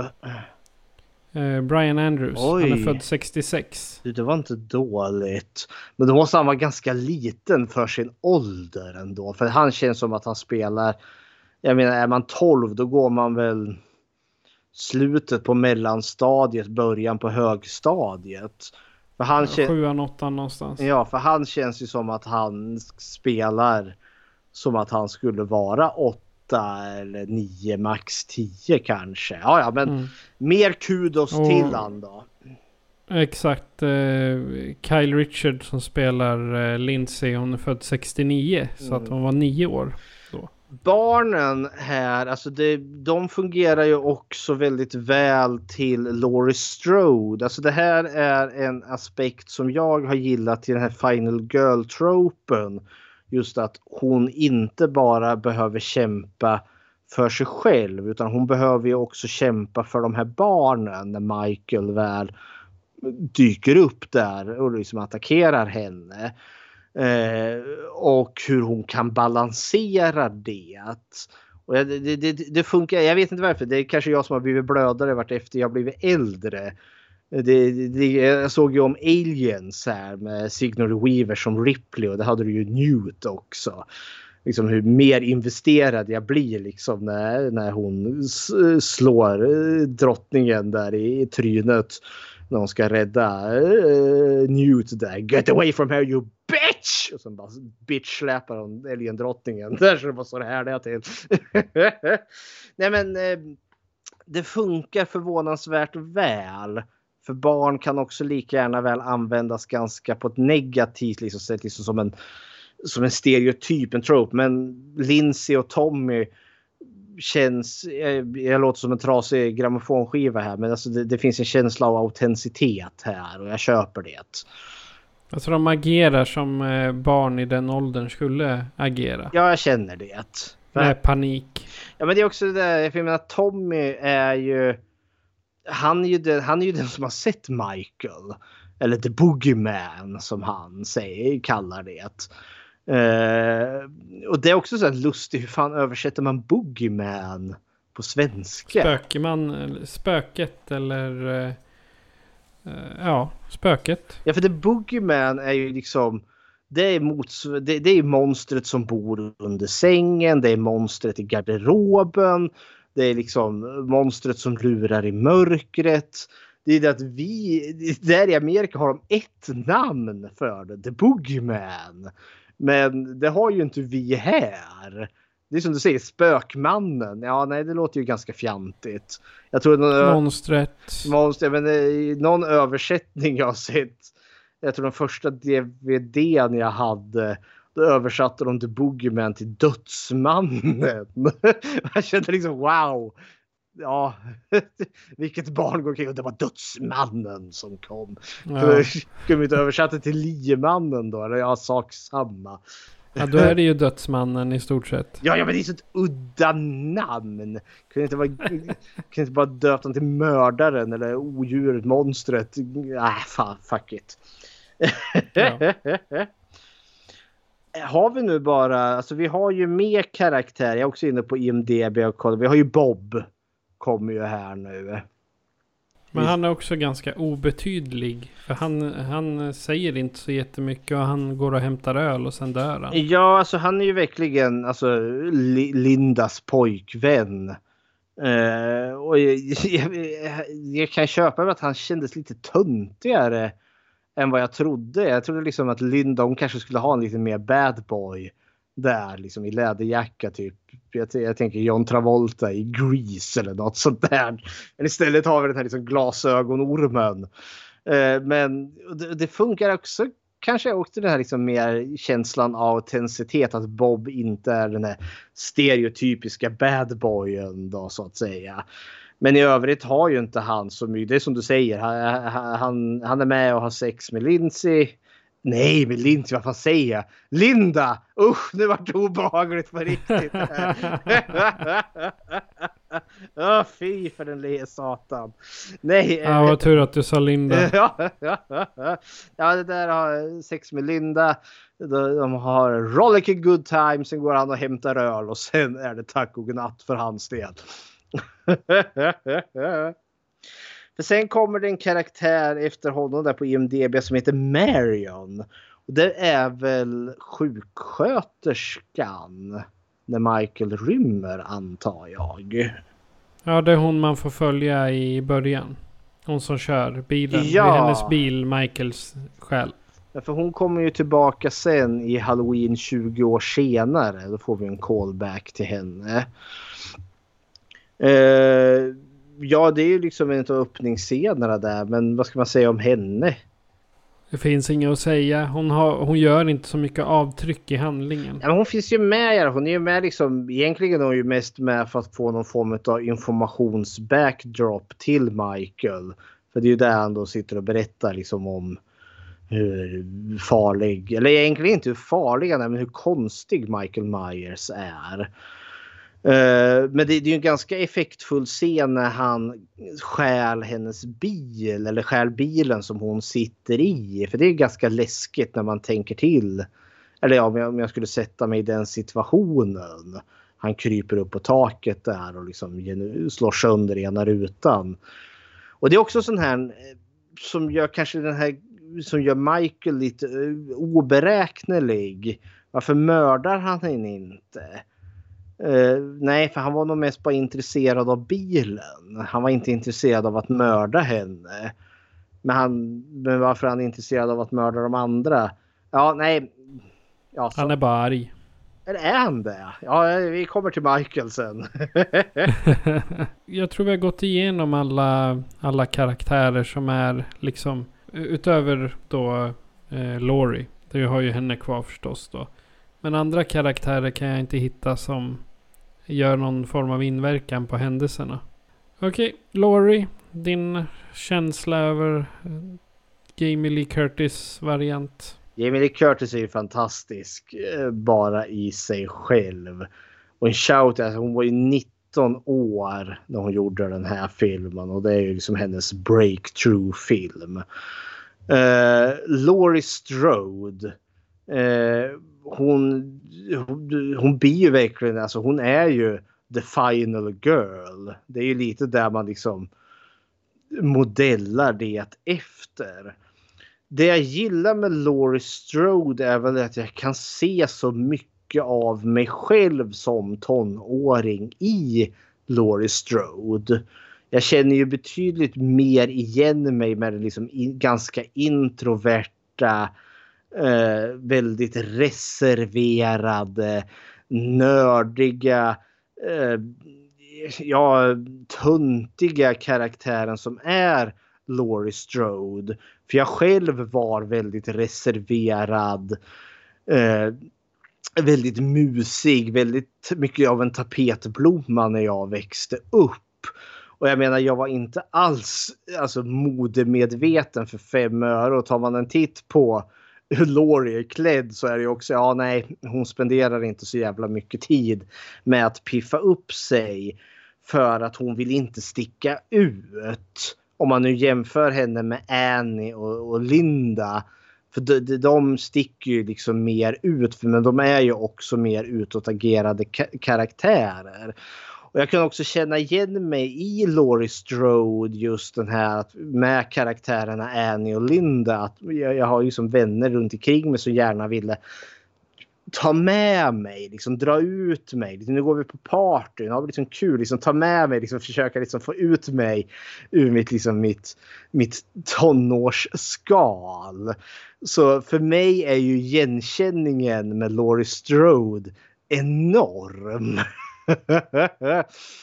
Uh, och samtidigt är det också, det, det, det gör det också enklare att jag hejar på henne i slutet. Inte för att jag inte skulle heja på, jag, jag vill hemskt gärna se att Linda också hade överlevt eller Annie också för jag älskar de karaktärerna. Uh, Men... Det hade varit totally mycket bättre. totally. Men uh, det gör ju också att när hon väl måste börja kämpa mot Michael. Alltså det, det, det så får jag ju liksom se den här kraften, den här energin som finns i henne. För hon är också smart. Hon måste agera under liksom enormt stressade situationer. Och liksom till och med när hon liksom är i Alltså när Mike, när hon har låst in sig själv i garderoben där och Michael håller på liksom på dundra, han håller på och slår in eh, vad heter det, spaljen där. Eh, liksom håller på att ta sig in. Och just att hon, hon skriker ju i skräck och förtvivlan. Men hon fryser inte. Utan hon hittar ju den jävla galgen, börjar vira upp den. Uh, och sen liksom när Michael väl liksom sticker in huvudet där så bara rakt in i galgen i ögat på honom. liksom... Ja, hon har ju kört en sticka i skallen på honom också. Ja, i halsen. Tidigare. I halsen på honom. Ja, halsen. Ja. ja, men det är just det att trots att hon är så jäkla skräckslagen och så rädd så agerar hon. Och jag gillar det. Jag, jag hejar så på henne. Eh, så, ja, för det är liksom i andra fall liksom när man sett liksom, ja men här har vi dumpuckot som blir jagat utav mördaren. Som är, där jag liksom kan bli frustrerad. Men vad fan, vad trodde du skulle hända? Gör någonting smart. Eh, och det är just det där att hon kan både spela sårbar men också stark samtidigt. Att hon kan tänka och agera under svår jäkla stress. Alltså hon är ju i en liv och död situation. Eh, och just att hon ändå så får agera smart eh, många gånger får mig också att förlåta att hon släpper den där stora jävla kniven efter att hon har satt den där stickan i halsen på Michael. Då har hon ju hans kniv och bara släpper den. Nej, han är död. Jag släpper den bredvid honom. det är lite så här frustration. Nej! Fan! Hugga med kniven eller släng ut kniven genom fönstret. Han är inte död, han kommer tillbaka.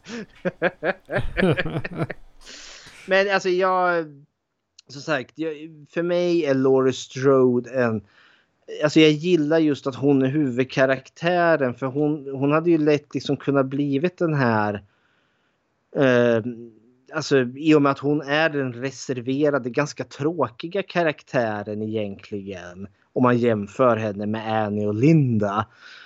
Så hade väl liksom de varit kanske roligare karaktärer att ha som huvudpersoner. Men nu är det inte så. Utan det är, det är Strode som är det. Och jag, och jag tror det är till filmens fördel. För jag tror väldigt många mer kan känna igen sig i alltså den här mer reserverade Laurie Strode. Det, än vad man kanske gör med liksom den jättebubbliga Linda eh, som har sitt eh, ja, väldigt aktiva sexliv där med, med Bob. eh, så totally. Totally! jag måste lägga in totally i soundboarden nu känner jag. jag tycker det totally ska göra. Men eh, eh jag tycker att eh, Laurie Strode är en väldigt välskriven karaktär alltså, och är ett väldigt liksom återigen eh, för att hon känns så autentisk. Hon är ju också den som ser Michael innan Michael alltså attackerar. Hon, för han står ju där i buskarna och blänger på henne. Annie och Linda blir ju båda liksom tagna av överraskning utav Michael. Jag menar, eh, Annie blir ju ståkad utav Michael ganska länge och inte en enda gång ser hon honom. Liksom inte förrän hon sitter i samma bil med honom hinner hon ana typ bråkdelen av en sekund att något är fel innan han attackerar. Linda hinner ju inte ens uppfatta hotet eh, när det, inte ens när det står och stirrar på henne att hon är i fara. Medan Laurie Strode är ju faktiskt den som har sett honom och har honom lite i baktanken vilket fick mig lite att känna att ja men ja, jag kanske inte är så udda ändå. Man kanske, jag hade kanske överlevt eh, Michael Myers Eh, hade medans eh, mina kompisar kanske inte hade gjort det. jag sak samma. De hade totally blivit uppsprättade. totally. Vad tycker du om eh, Laurie Strode?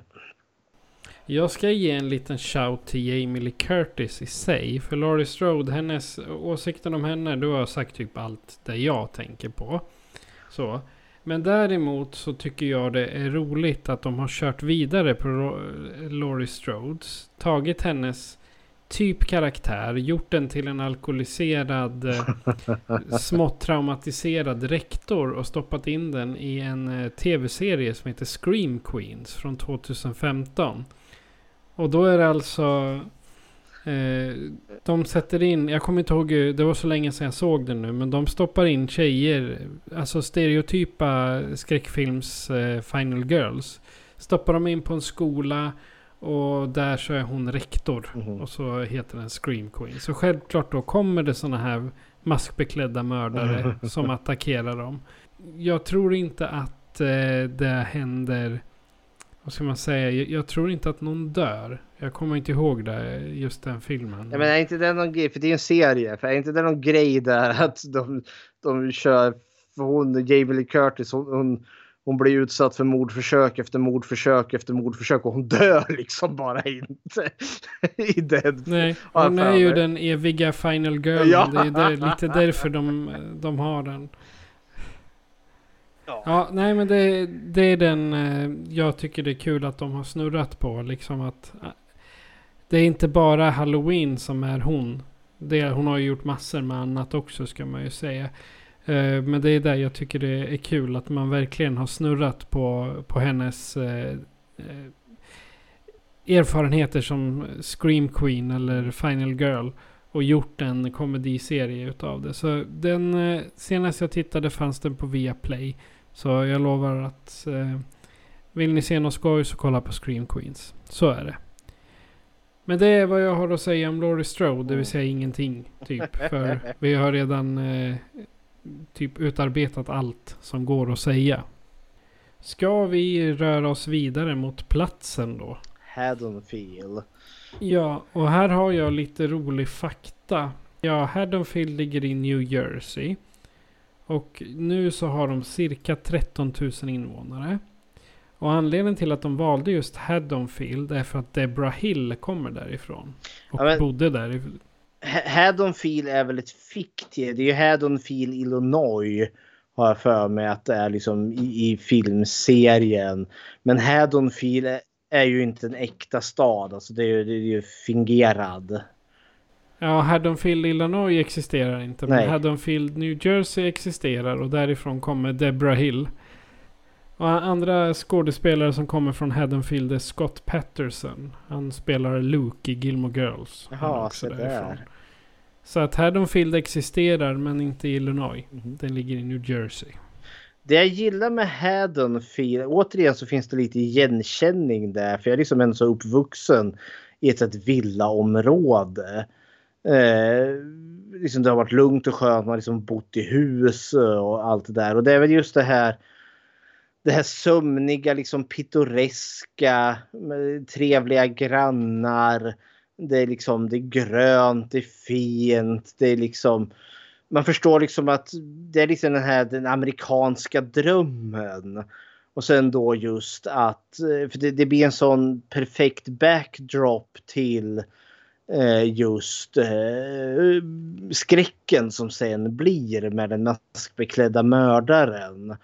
Eh, och eh, ja, nej men alltså jag, jag köper liksom att det här är liksom eh, stället där liksom familjer bor och man växer upp. Det är liksom generationer kommer och går. Och det finns liksom, liksom något väldigt liksom mysigt, väldigt liksom invant. Vi har liksom spökhuset som är då Myers-huset där då. Och alla har haft ett sånt. Alltså det, det är just den här att det ska vara liksom ett dussin ställe. Det är, det är liksom ett normalt ställe någonstans i, eh, ja, där majoriteten bor. Eller ja, där, där många bor och kan känna igen sig. Eh, jag har ju väldigt stor igenkänning i och med att jag liksom just har bott i ett villa, alltså född och uppvuxen i ett villaområde. Jag sitter och tänker den som kanske är mer född urban, liksom har bott i, i, i mer närmare staden liksom i lägenhet född och uppvuxen där kanske liksom inte ser på platsen Haddonfield på samma sätt som jag gör då. Eh, det är bara så här reflektioner jag fick där då. Men liksom det verkar, det, tri, det verkar vara ett trivsamt ställe vilket ju är liksom, det, det är inte den här skräckfilmsskådespelet. Det är liksom inte i Freddy Krugers eh, eh liksom mörka fuktiga industrilokal. Vi är inte i Leatherface slakthus. Vi är inte i Pinheads eh, helvete där. Vi inte är Jasons ner, alltså, nedlagda Camp Crystal Lake utan vi är i ett hem. Vi är liksom där det är tryggt, där det ska vara tryggt. Och hotet kommer till dig. Alltså hotet, eh, den här förfärliga mördaren eh, som är i en plats som inte är skräckfilmskodad. Jag menar, är jag i ett, eh, i ett slott i Transylvanien fullt av spindelväv. Ja, då, då känns det inte. Då kan jag förvänta mig att en Dracula kommer och börjar slaska mig i halsen. Men är jag i liksom i ett välmöblerat och städat hem. Nej, då förväntar jag mig kanske inte riktigt att jag ska få magen uppsprättad. utav en maskbeklädd galning. Så det är väl där liksom settingen funkar väldigt, väldigt väl tycker jag. För att det skär sig. Det ska liksom, jag, jag förväntar mig Buffalo Bills eh, skräckkammare när lammen tystnar. Där förväntar jag mig skräcken. Men inte i det välmöblerade Haddonfield. Ja, det är mina tankar kring platsen. Vad har du för tankar? Jag har redan nämnt det. Jag tittade på lite bilder på Google Maps och det ser, det ser fortfarande ut så. Som det gör i Halloween. De har, det är inte mycket som har ändrats. Det är det som är så kul. Jag har ju visst, eh, brandstationen har de ju pimpat upp och sådär. Men det är inte mycket annat. Det är samma lilla bostadsområden och Eh, förorter och jag tror man kan kalla Haddonfield till lite av en förort eller by, byhåla. Om man ska jämföra den med Torshälla här i Eskilstuna. Där har vi ju, det är inte, ja men jo men det är typ en byhåla fast den hänger ihop med Eskilstuna. Så. Ja ja, så är det med det. Eh, Eh, det var platsen. Ska vi gå till de två M Morden och Michael. Eller Michael och morden. Ja. uh, hur tycker du Michael uh, porträtteras i den här första filmen? Här introduceras ju han för första gången och det här liksom tjafs. Uh, man kan ju inte, för ibland har jag hört att oh, man får aldrig se Michael Myers utan mask. Det får vi ju. Vi får ju se honom i filmens absoluta början som pojke där då. Som en blond liten, ja, vad kan han vara, åtta år eller något sånt där efter att han har knivmördat sin syster där. Sex år enligt eh, IMDB. Och sen får vi ju se också han utan masken i slutet där när Laurie Strode drar av honom masken. Eh, och det jag känner liksom just Michael som pojken där då. Tycker jag, alltså grejen med Michael är ju att han inte sticker ut. Eh, nu är det ju, vad heter han, Tom. Eh, han som gör, spelar Michael i den här. Nu ska vi se. Det, det, det, det är ju så mycket som Tony Moran eh, som spelar Michael.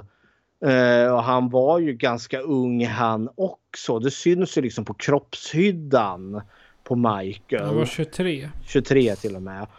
Alltså det syns ju på, alltså han, han är inte stor, han är inte grov. Han är ganska normalbyggd. Eh, och det är väl det som jag kanske tycker är grejen med han just att han är, alltså, det är, han sticker inte ut. De flesta liksom slashermördare är ju vanställda. Typ Freddy Krueger med sitt brända ansikte. Jason. Leatherface. Ja, Leatherface. Jason med sin missbildning. Pinhead med sina liksom spikar. Så är ju Michael bara normal. Och det är det som är äckligt med honom. Och att jag inte riktigt vet varför filmen förklarar ju faktiskt inte vad är Michaels motiv? Varför sätter han efter Laurie Strode? Varför är de här? Liksom, varför? De råkar bara vara vid fel plats vid fel tillfälle. Laurie ska lämna nycklarna eh, till, alltså under mattan till Myers huset och springer upp och lägger nycklarna där och då råkade han stå där så han såg henne genom fönstret. That's it. Sen har han följt efter henne eh, och eh, jag har sett henne tillsammans med hennes eh, vänner. Och nu ska han mörda dem.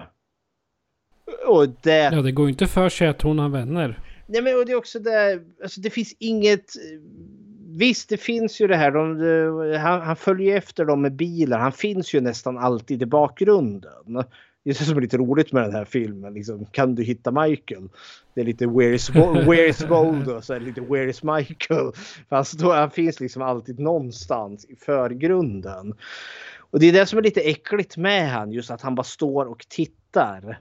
Han står och tittar och tittar och tittar och han bildar sin tid. Men jag vet liksom inte om han...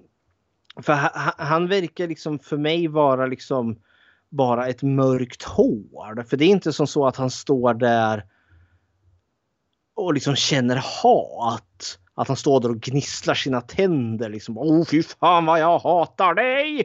Utan att han snarare är ett hålrum. Det är ju lite som Dr. Loomis berättar liksom att han är bara ett mörker. Han är bara ondska.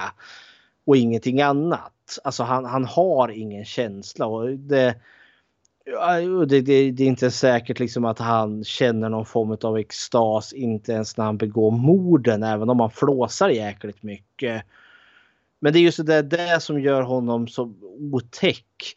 Och just också att han bildar sin tid.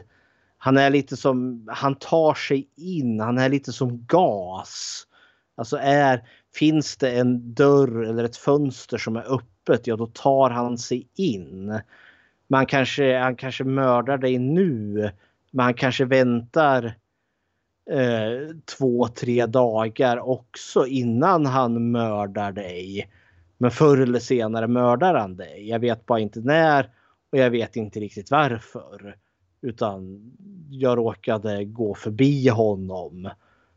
Och då tänker han mörda mig. För jag menar han har ju flera tillfällen kan han mörda andra eh, karaktärer, eh, karaktärer och personer. Men de struntar han ju i.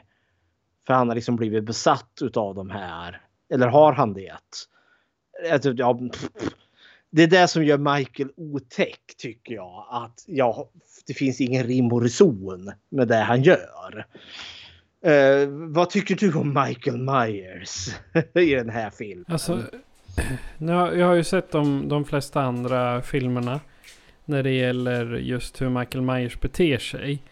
Uh, och i den här, där är det liksom... Allting är totalt meningslöst. Han, uh, han ser någon, sen bara, ja, oh, jag ska döda dig. Punkt. Och så, för det är liksom... Det, och det är som du sa, det framgår aldrig varför han gör det. Och ta som Freddy, han gör ju det för att hämnas mm. på barnens föräldrar. Uh, Jason gör det för att hämnas sin mamma. Mm. I en jävla massa filmer. uh, sen Ghostface det är ju olika personer så de har ju olika orsaker. Men, men de ska det, alltid hämnas ja. något. De är ju alltså oftast drivna utav ilska för att det är någon oförrätt som har drabbat dem. Men Mike... Men, ilska eller hämndbegär. Ja, men Michael han, han är ju bara tom. Det, det är liksom ja, hepp. Han ska bara döda någon. Ja. är... Nej, jag, jag, tröttnar, jag tröttnar på att sitta på psyket. Jaha. Så nu ska jag ut och döda någon. Ja, men det är också det. Det finns ju. Det är ju den här. Är Michael övernaturlig? Eh, det kan man ju lätt. Alltså jag tänker ju hävda att det är något liksom. Filmerna har någon form av magisk realism. Det är så man kan förklara varför han lever fortfarande med tanke på hur mycket stryk han får. Men så vitt jag har förstått så är väl just att ha, ha, från Carpenter och Deborah Hill just att han är egentligen liksom bara ondskan. Alltså han är det onda som finns i världen. Varför händer onda saker, goda människor? Han är det meningslösa onda. För det är just det där att han, han stressar ju inte ens när han ska begå sina mord. Alltså han, han kommer ju i manklig takt han liksom lunkar sig fram. Det är ju inte som när han jagar Laurie Strode liksom att nu lubbar han efter henne med knivet i högsta hugg.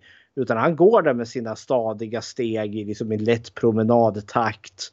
Liksom sakta mot henne. Hinner hon springa ifrån honom så gör hon väl det. Men han, han traskar väl efter förr eller senare kommer han ju fram och då sätter han kniven i henne. Det är liksom så här, uh, nej. Det är just den här. Men det är ju också att han går mot henne. Hon tittar bort och tittar igen så är han borta. Ja. Och sen kommer han fram igen fem minuter senare på andra sidan stan. Liksom. Ja, kära Ja. värld. Nej, men jag, jag, Michael är egentligen den som är o, han är genuint otäck. Just för att han är det här stora frågetecknet. Eh, och, och det tycker jag funkar väldigt, väldigt väl i det här mytoset kring honom. Ska vi, jag vet, designen på Michael, alltså, det vore väl kriminellt att säga. Alltså, vad, vad tycker du om masken? Den här vita masken. Eh, hur funkar den för dig? Alltså utseendet på Michael. Men den här, alltså första Halloween, den är lite som eh, typ andra fredag den 13. Där i den har han ju bara en papperspåse över huvudet. Ja, eller om det är första. Ja, Nej, det, det är typ andra, han har en potatissäck eller vad det nu är. ja exakt. Då, då har han bara en potatissäck. Och här, här ser jag att liksom, ja, han har varit inne i en utklädningsaffär och tagit på sig en gummibit. Och sen eh, längre fram så kommer han ju på sätt och vis växa in i den där. Mm. För nu så sitter den ju ganska löst Mm. på an ansiktet på dem. Den hänger och dinglar liksom. Mhm. För det man ser i senare filmer och på omslaget till eh, 2018. Det är ju att masken sitter åt. Ja, det är ju mer det, det hade väl också att göra med budgeten och allt det där. För det, det vet väl alla nördar vid det här laget att eh, masken är ju en William Shatner-mask från, alltså en Captain Kirk-mask från Star Trek som de vände ut och in, eh, spraymålade vit och så klippte de upp eh, ögonen lite mera. De andra eh, är det, då har, ju, har man ju mer alltså försökt återskapa den här masken. Så då är ju de lite mer designade.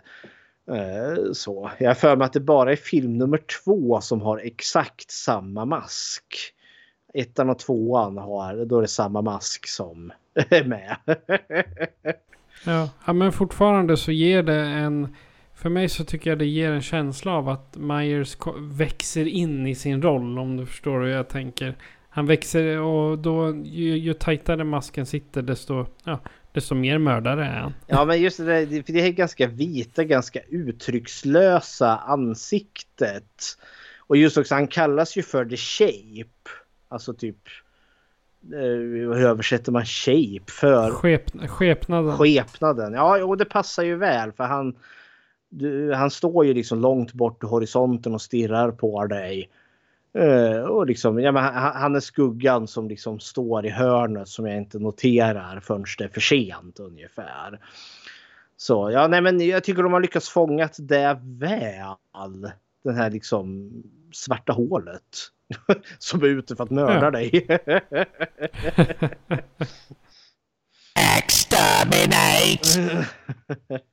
Vi har avhandlat ett av ämnen. Mhm. Så nu är det väl dags för det andra ämnet. Morden. Morden.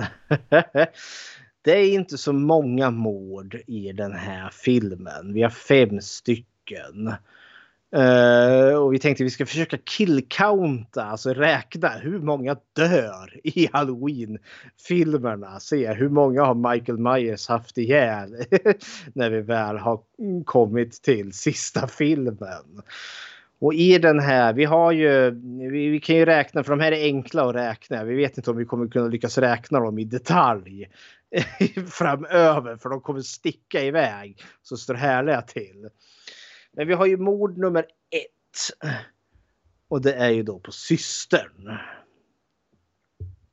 Och eh, det är ju vårt inledningsmord där, liksom när han fortfarande är barn. Och det är väl bland de få gånger vi får se blod i den här filmen. Ja, man ser ju honom i, i sin mask och sen går han och hugger och hugger och hugger och det Ja. kommer blod på kniven. Ja.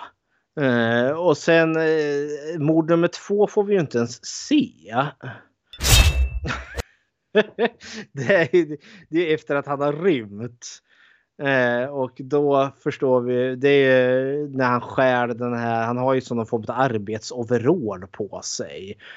Så vi får ju se ett lik som ligger i gräset. Då vi förstår liksom, jaha, eh, eh, där låg det en död man där då. Jaha, heppli hepp. Så då, och det var mord nummer två. Så, mord nummer tre. Det är ju stackars Annie där då som vi redan har pratat om. Som han överraskar i bilen där. Ja, så det behöver vi inte ta om då. Ja. Och då har vi ju då mord nummer tre. Nej, fyra. Mord nummer fyra var det. Eh, och det är då Bob som ska ut och hämta ölen till den törstiga Linda där. Var på. Eh, ja, när han har raidat, vilket jag inte har tänkt på förut förrän du sa det. Liksom, vad fasiken, det är ju inte hans öl ens en gång, utan det är ju den där familjen. Så jag bara, nej, nu. Om de inte hade öl med sig då förstås, som de ställde på kylning eller något sånt. Jag sak samma. Nej, Jag kommer inte ihåg. Men eh, de, det, det är inte så tydligt Nej. om man säger så. Men här får vi, för han hämtar ju ölen. Och eh, jag vet inte, hör han någonting eller något? För Michael står ju vad jag tolkar i som någon form av städskrubb eller något. För mig, han öppnar väl dörren och där är Michael som hugger honom eller tar tag i han kring halsen, trycker upp han mot väggen. Och där får vi ju se hur jäkla stark Michael är då. För han liksom lyfter ju verkligen Bob på rak arm och lyfter väl upp honom så att han liksom är en sån halv meter ovanför. Ja, i luften. Och sen tar han ju fram sin kniv och hugger honom rakt igenom med sån styrka att eh, Bob blir hängandes på väggen. Ja, och sen ett under att kniven håller ja, men det, det är här jag tänker den här magiska realismen kommer in på något vis och vänster. Alltså det övernaturliga. Men där får vi också liksom den här signaturgrejen att när Michael står och tittar på den döde Bob så lägger han ju lite huvudet lätt på sned. Och liksom tittar tillbaka. Och det är just också den här varför gör han det? Vad, vad, vad, återigen, han står liksom bara och tittar på det där. Han väntar på, han väntar på att han vill se livet rinna ur honom. Jag tror det är lite det som är Ja, hans grej. Fullt Och möjligt. det, det är som är orsaken till att han hamnar på just på mentalsjukhus Mm. också. Han eh, fann typ njutning i att eh, mörda sin syster. Jag, jag tänker lite som damer. Undrar du inte hur det ser ut innanför? Mhm. Lite samma princip. Ja, kära någon. Alltså, det, det, något känslospel kanske är det ändå som finns där, men vad vet jag.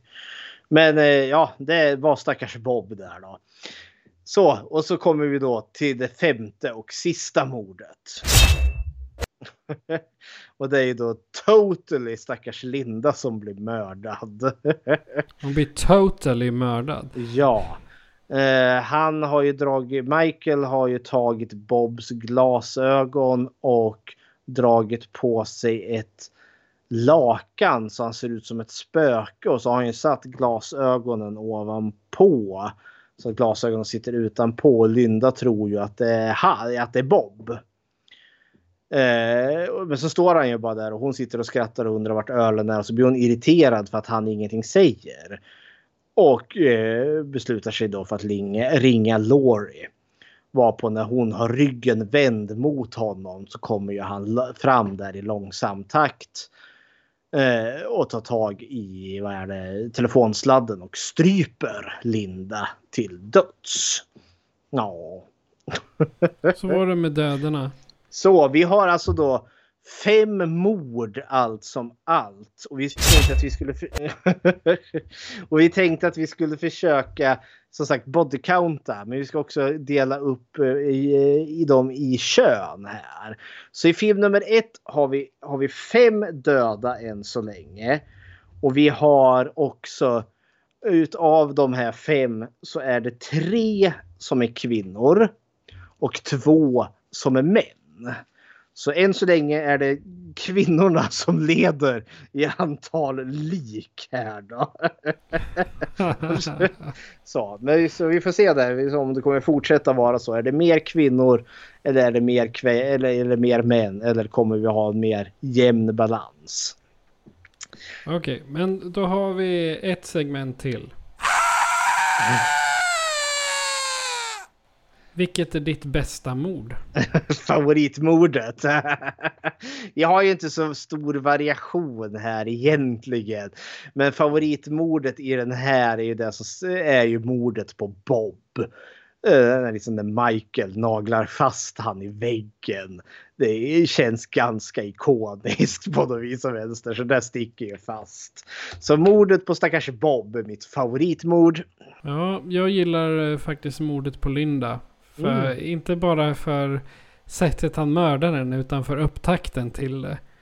Oh, do you totally see something you, don't, you like? Do you want to see more? och så självklart då blir de bara irriterade och ska ringa och så... så det är mitt eh, favoritmord. Bob och Linda, de åker på det. Oh, vi, vi, har valt, ja, vi har valt paret som, vi ska ta, som ska ta koll på dem. Ja, kära någon. Ja, men då kan vi väl wrap around, alltså wrappa upp den här berättelsen med att vad är det? Dr. Loomis får ju äntligen fatt i Michael och skjuter honom sex gånger på nära håll och han far ut från en balkong och antas vara död. Men det är han ju inte. För det sista vi ser är att han har rest sig och är borta.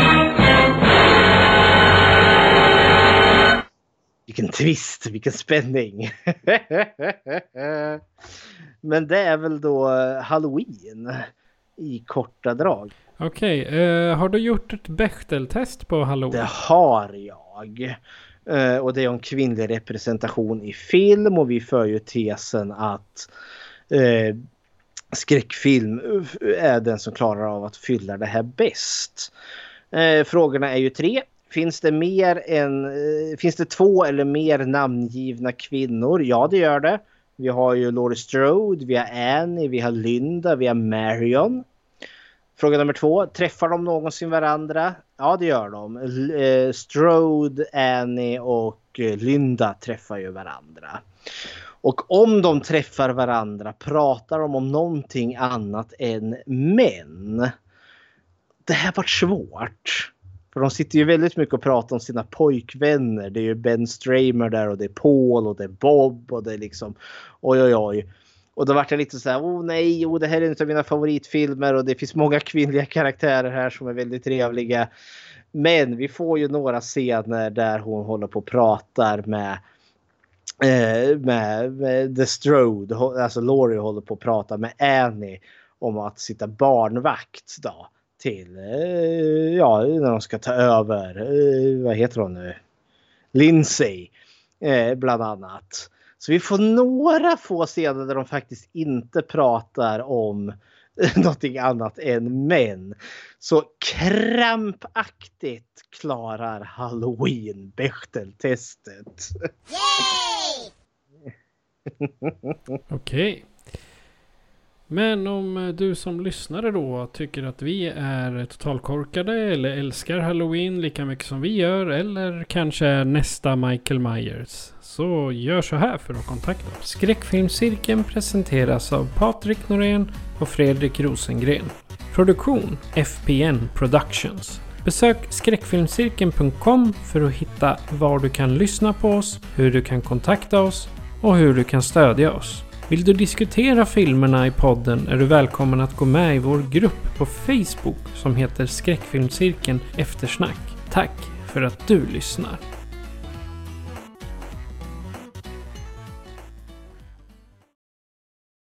Då slutade vi flåsa, lägger undan kniven och eh, så frågar jag dig Fredrik.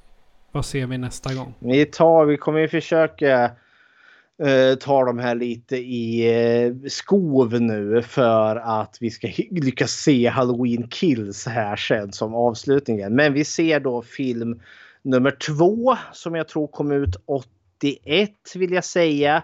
Och film nummer tre. Den udda filmen där Michael Myers inte är med som jag vill säga är gjord 83. Så vi ser film, Halloween 2 och 3 nästa gång. Alldeles utmärkt. Vi eh, har ju bara en sak kvar att säga och det är att jag heter Patrik. Och jag heter Totally Fredrik. totally jag gör på er. Totally.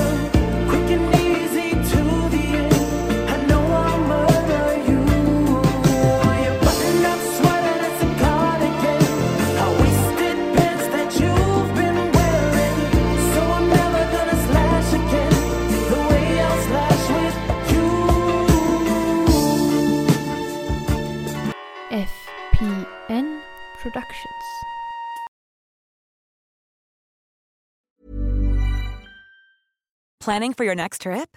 Elevate your travel style with Quince. Quince has all the jet setting essentials you'll want for your next getaway, like European linen, premium luggage options, buttery soft Italian leather bags, and so much more. And is all priced at 50 to 80% less than similar brands. Plus, Quince only works with factories that use safe and ethical manufacturing practices. Pack your bags with high-quality essentials you'll be wearing for vacations to come with Quince. Go to quince.com slash pack for free shipping and 365-day returns.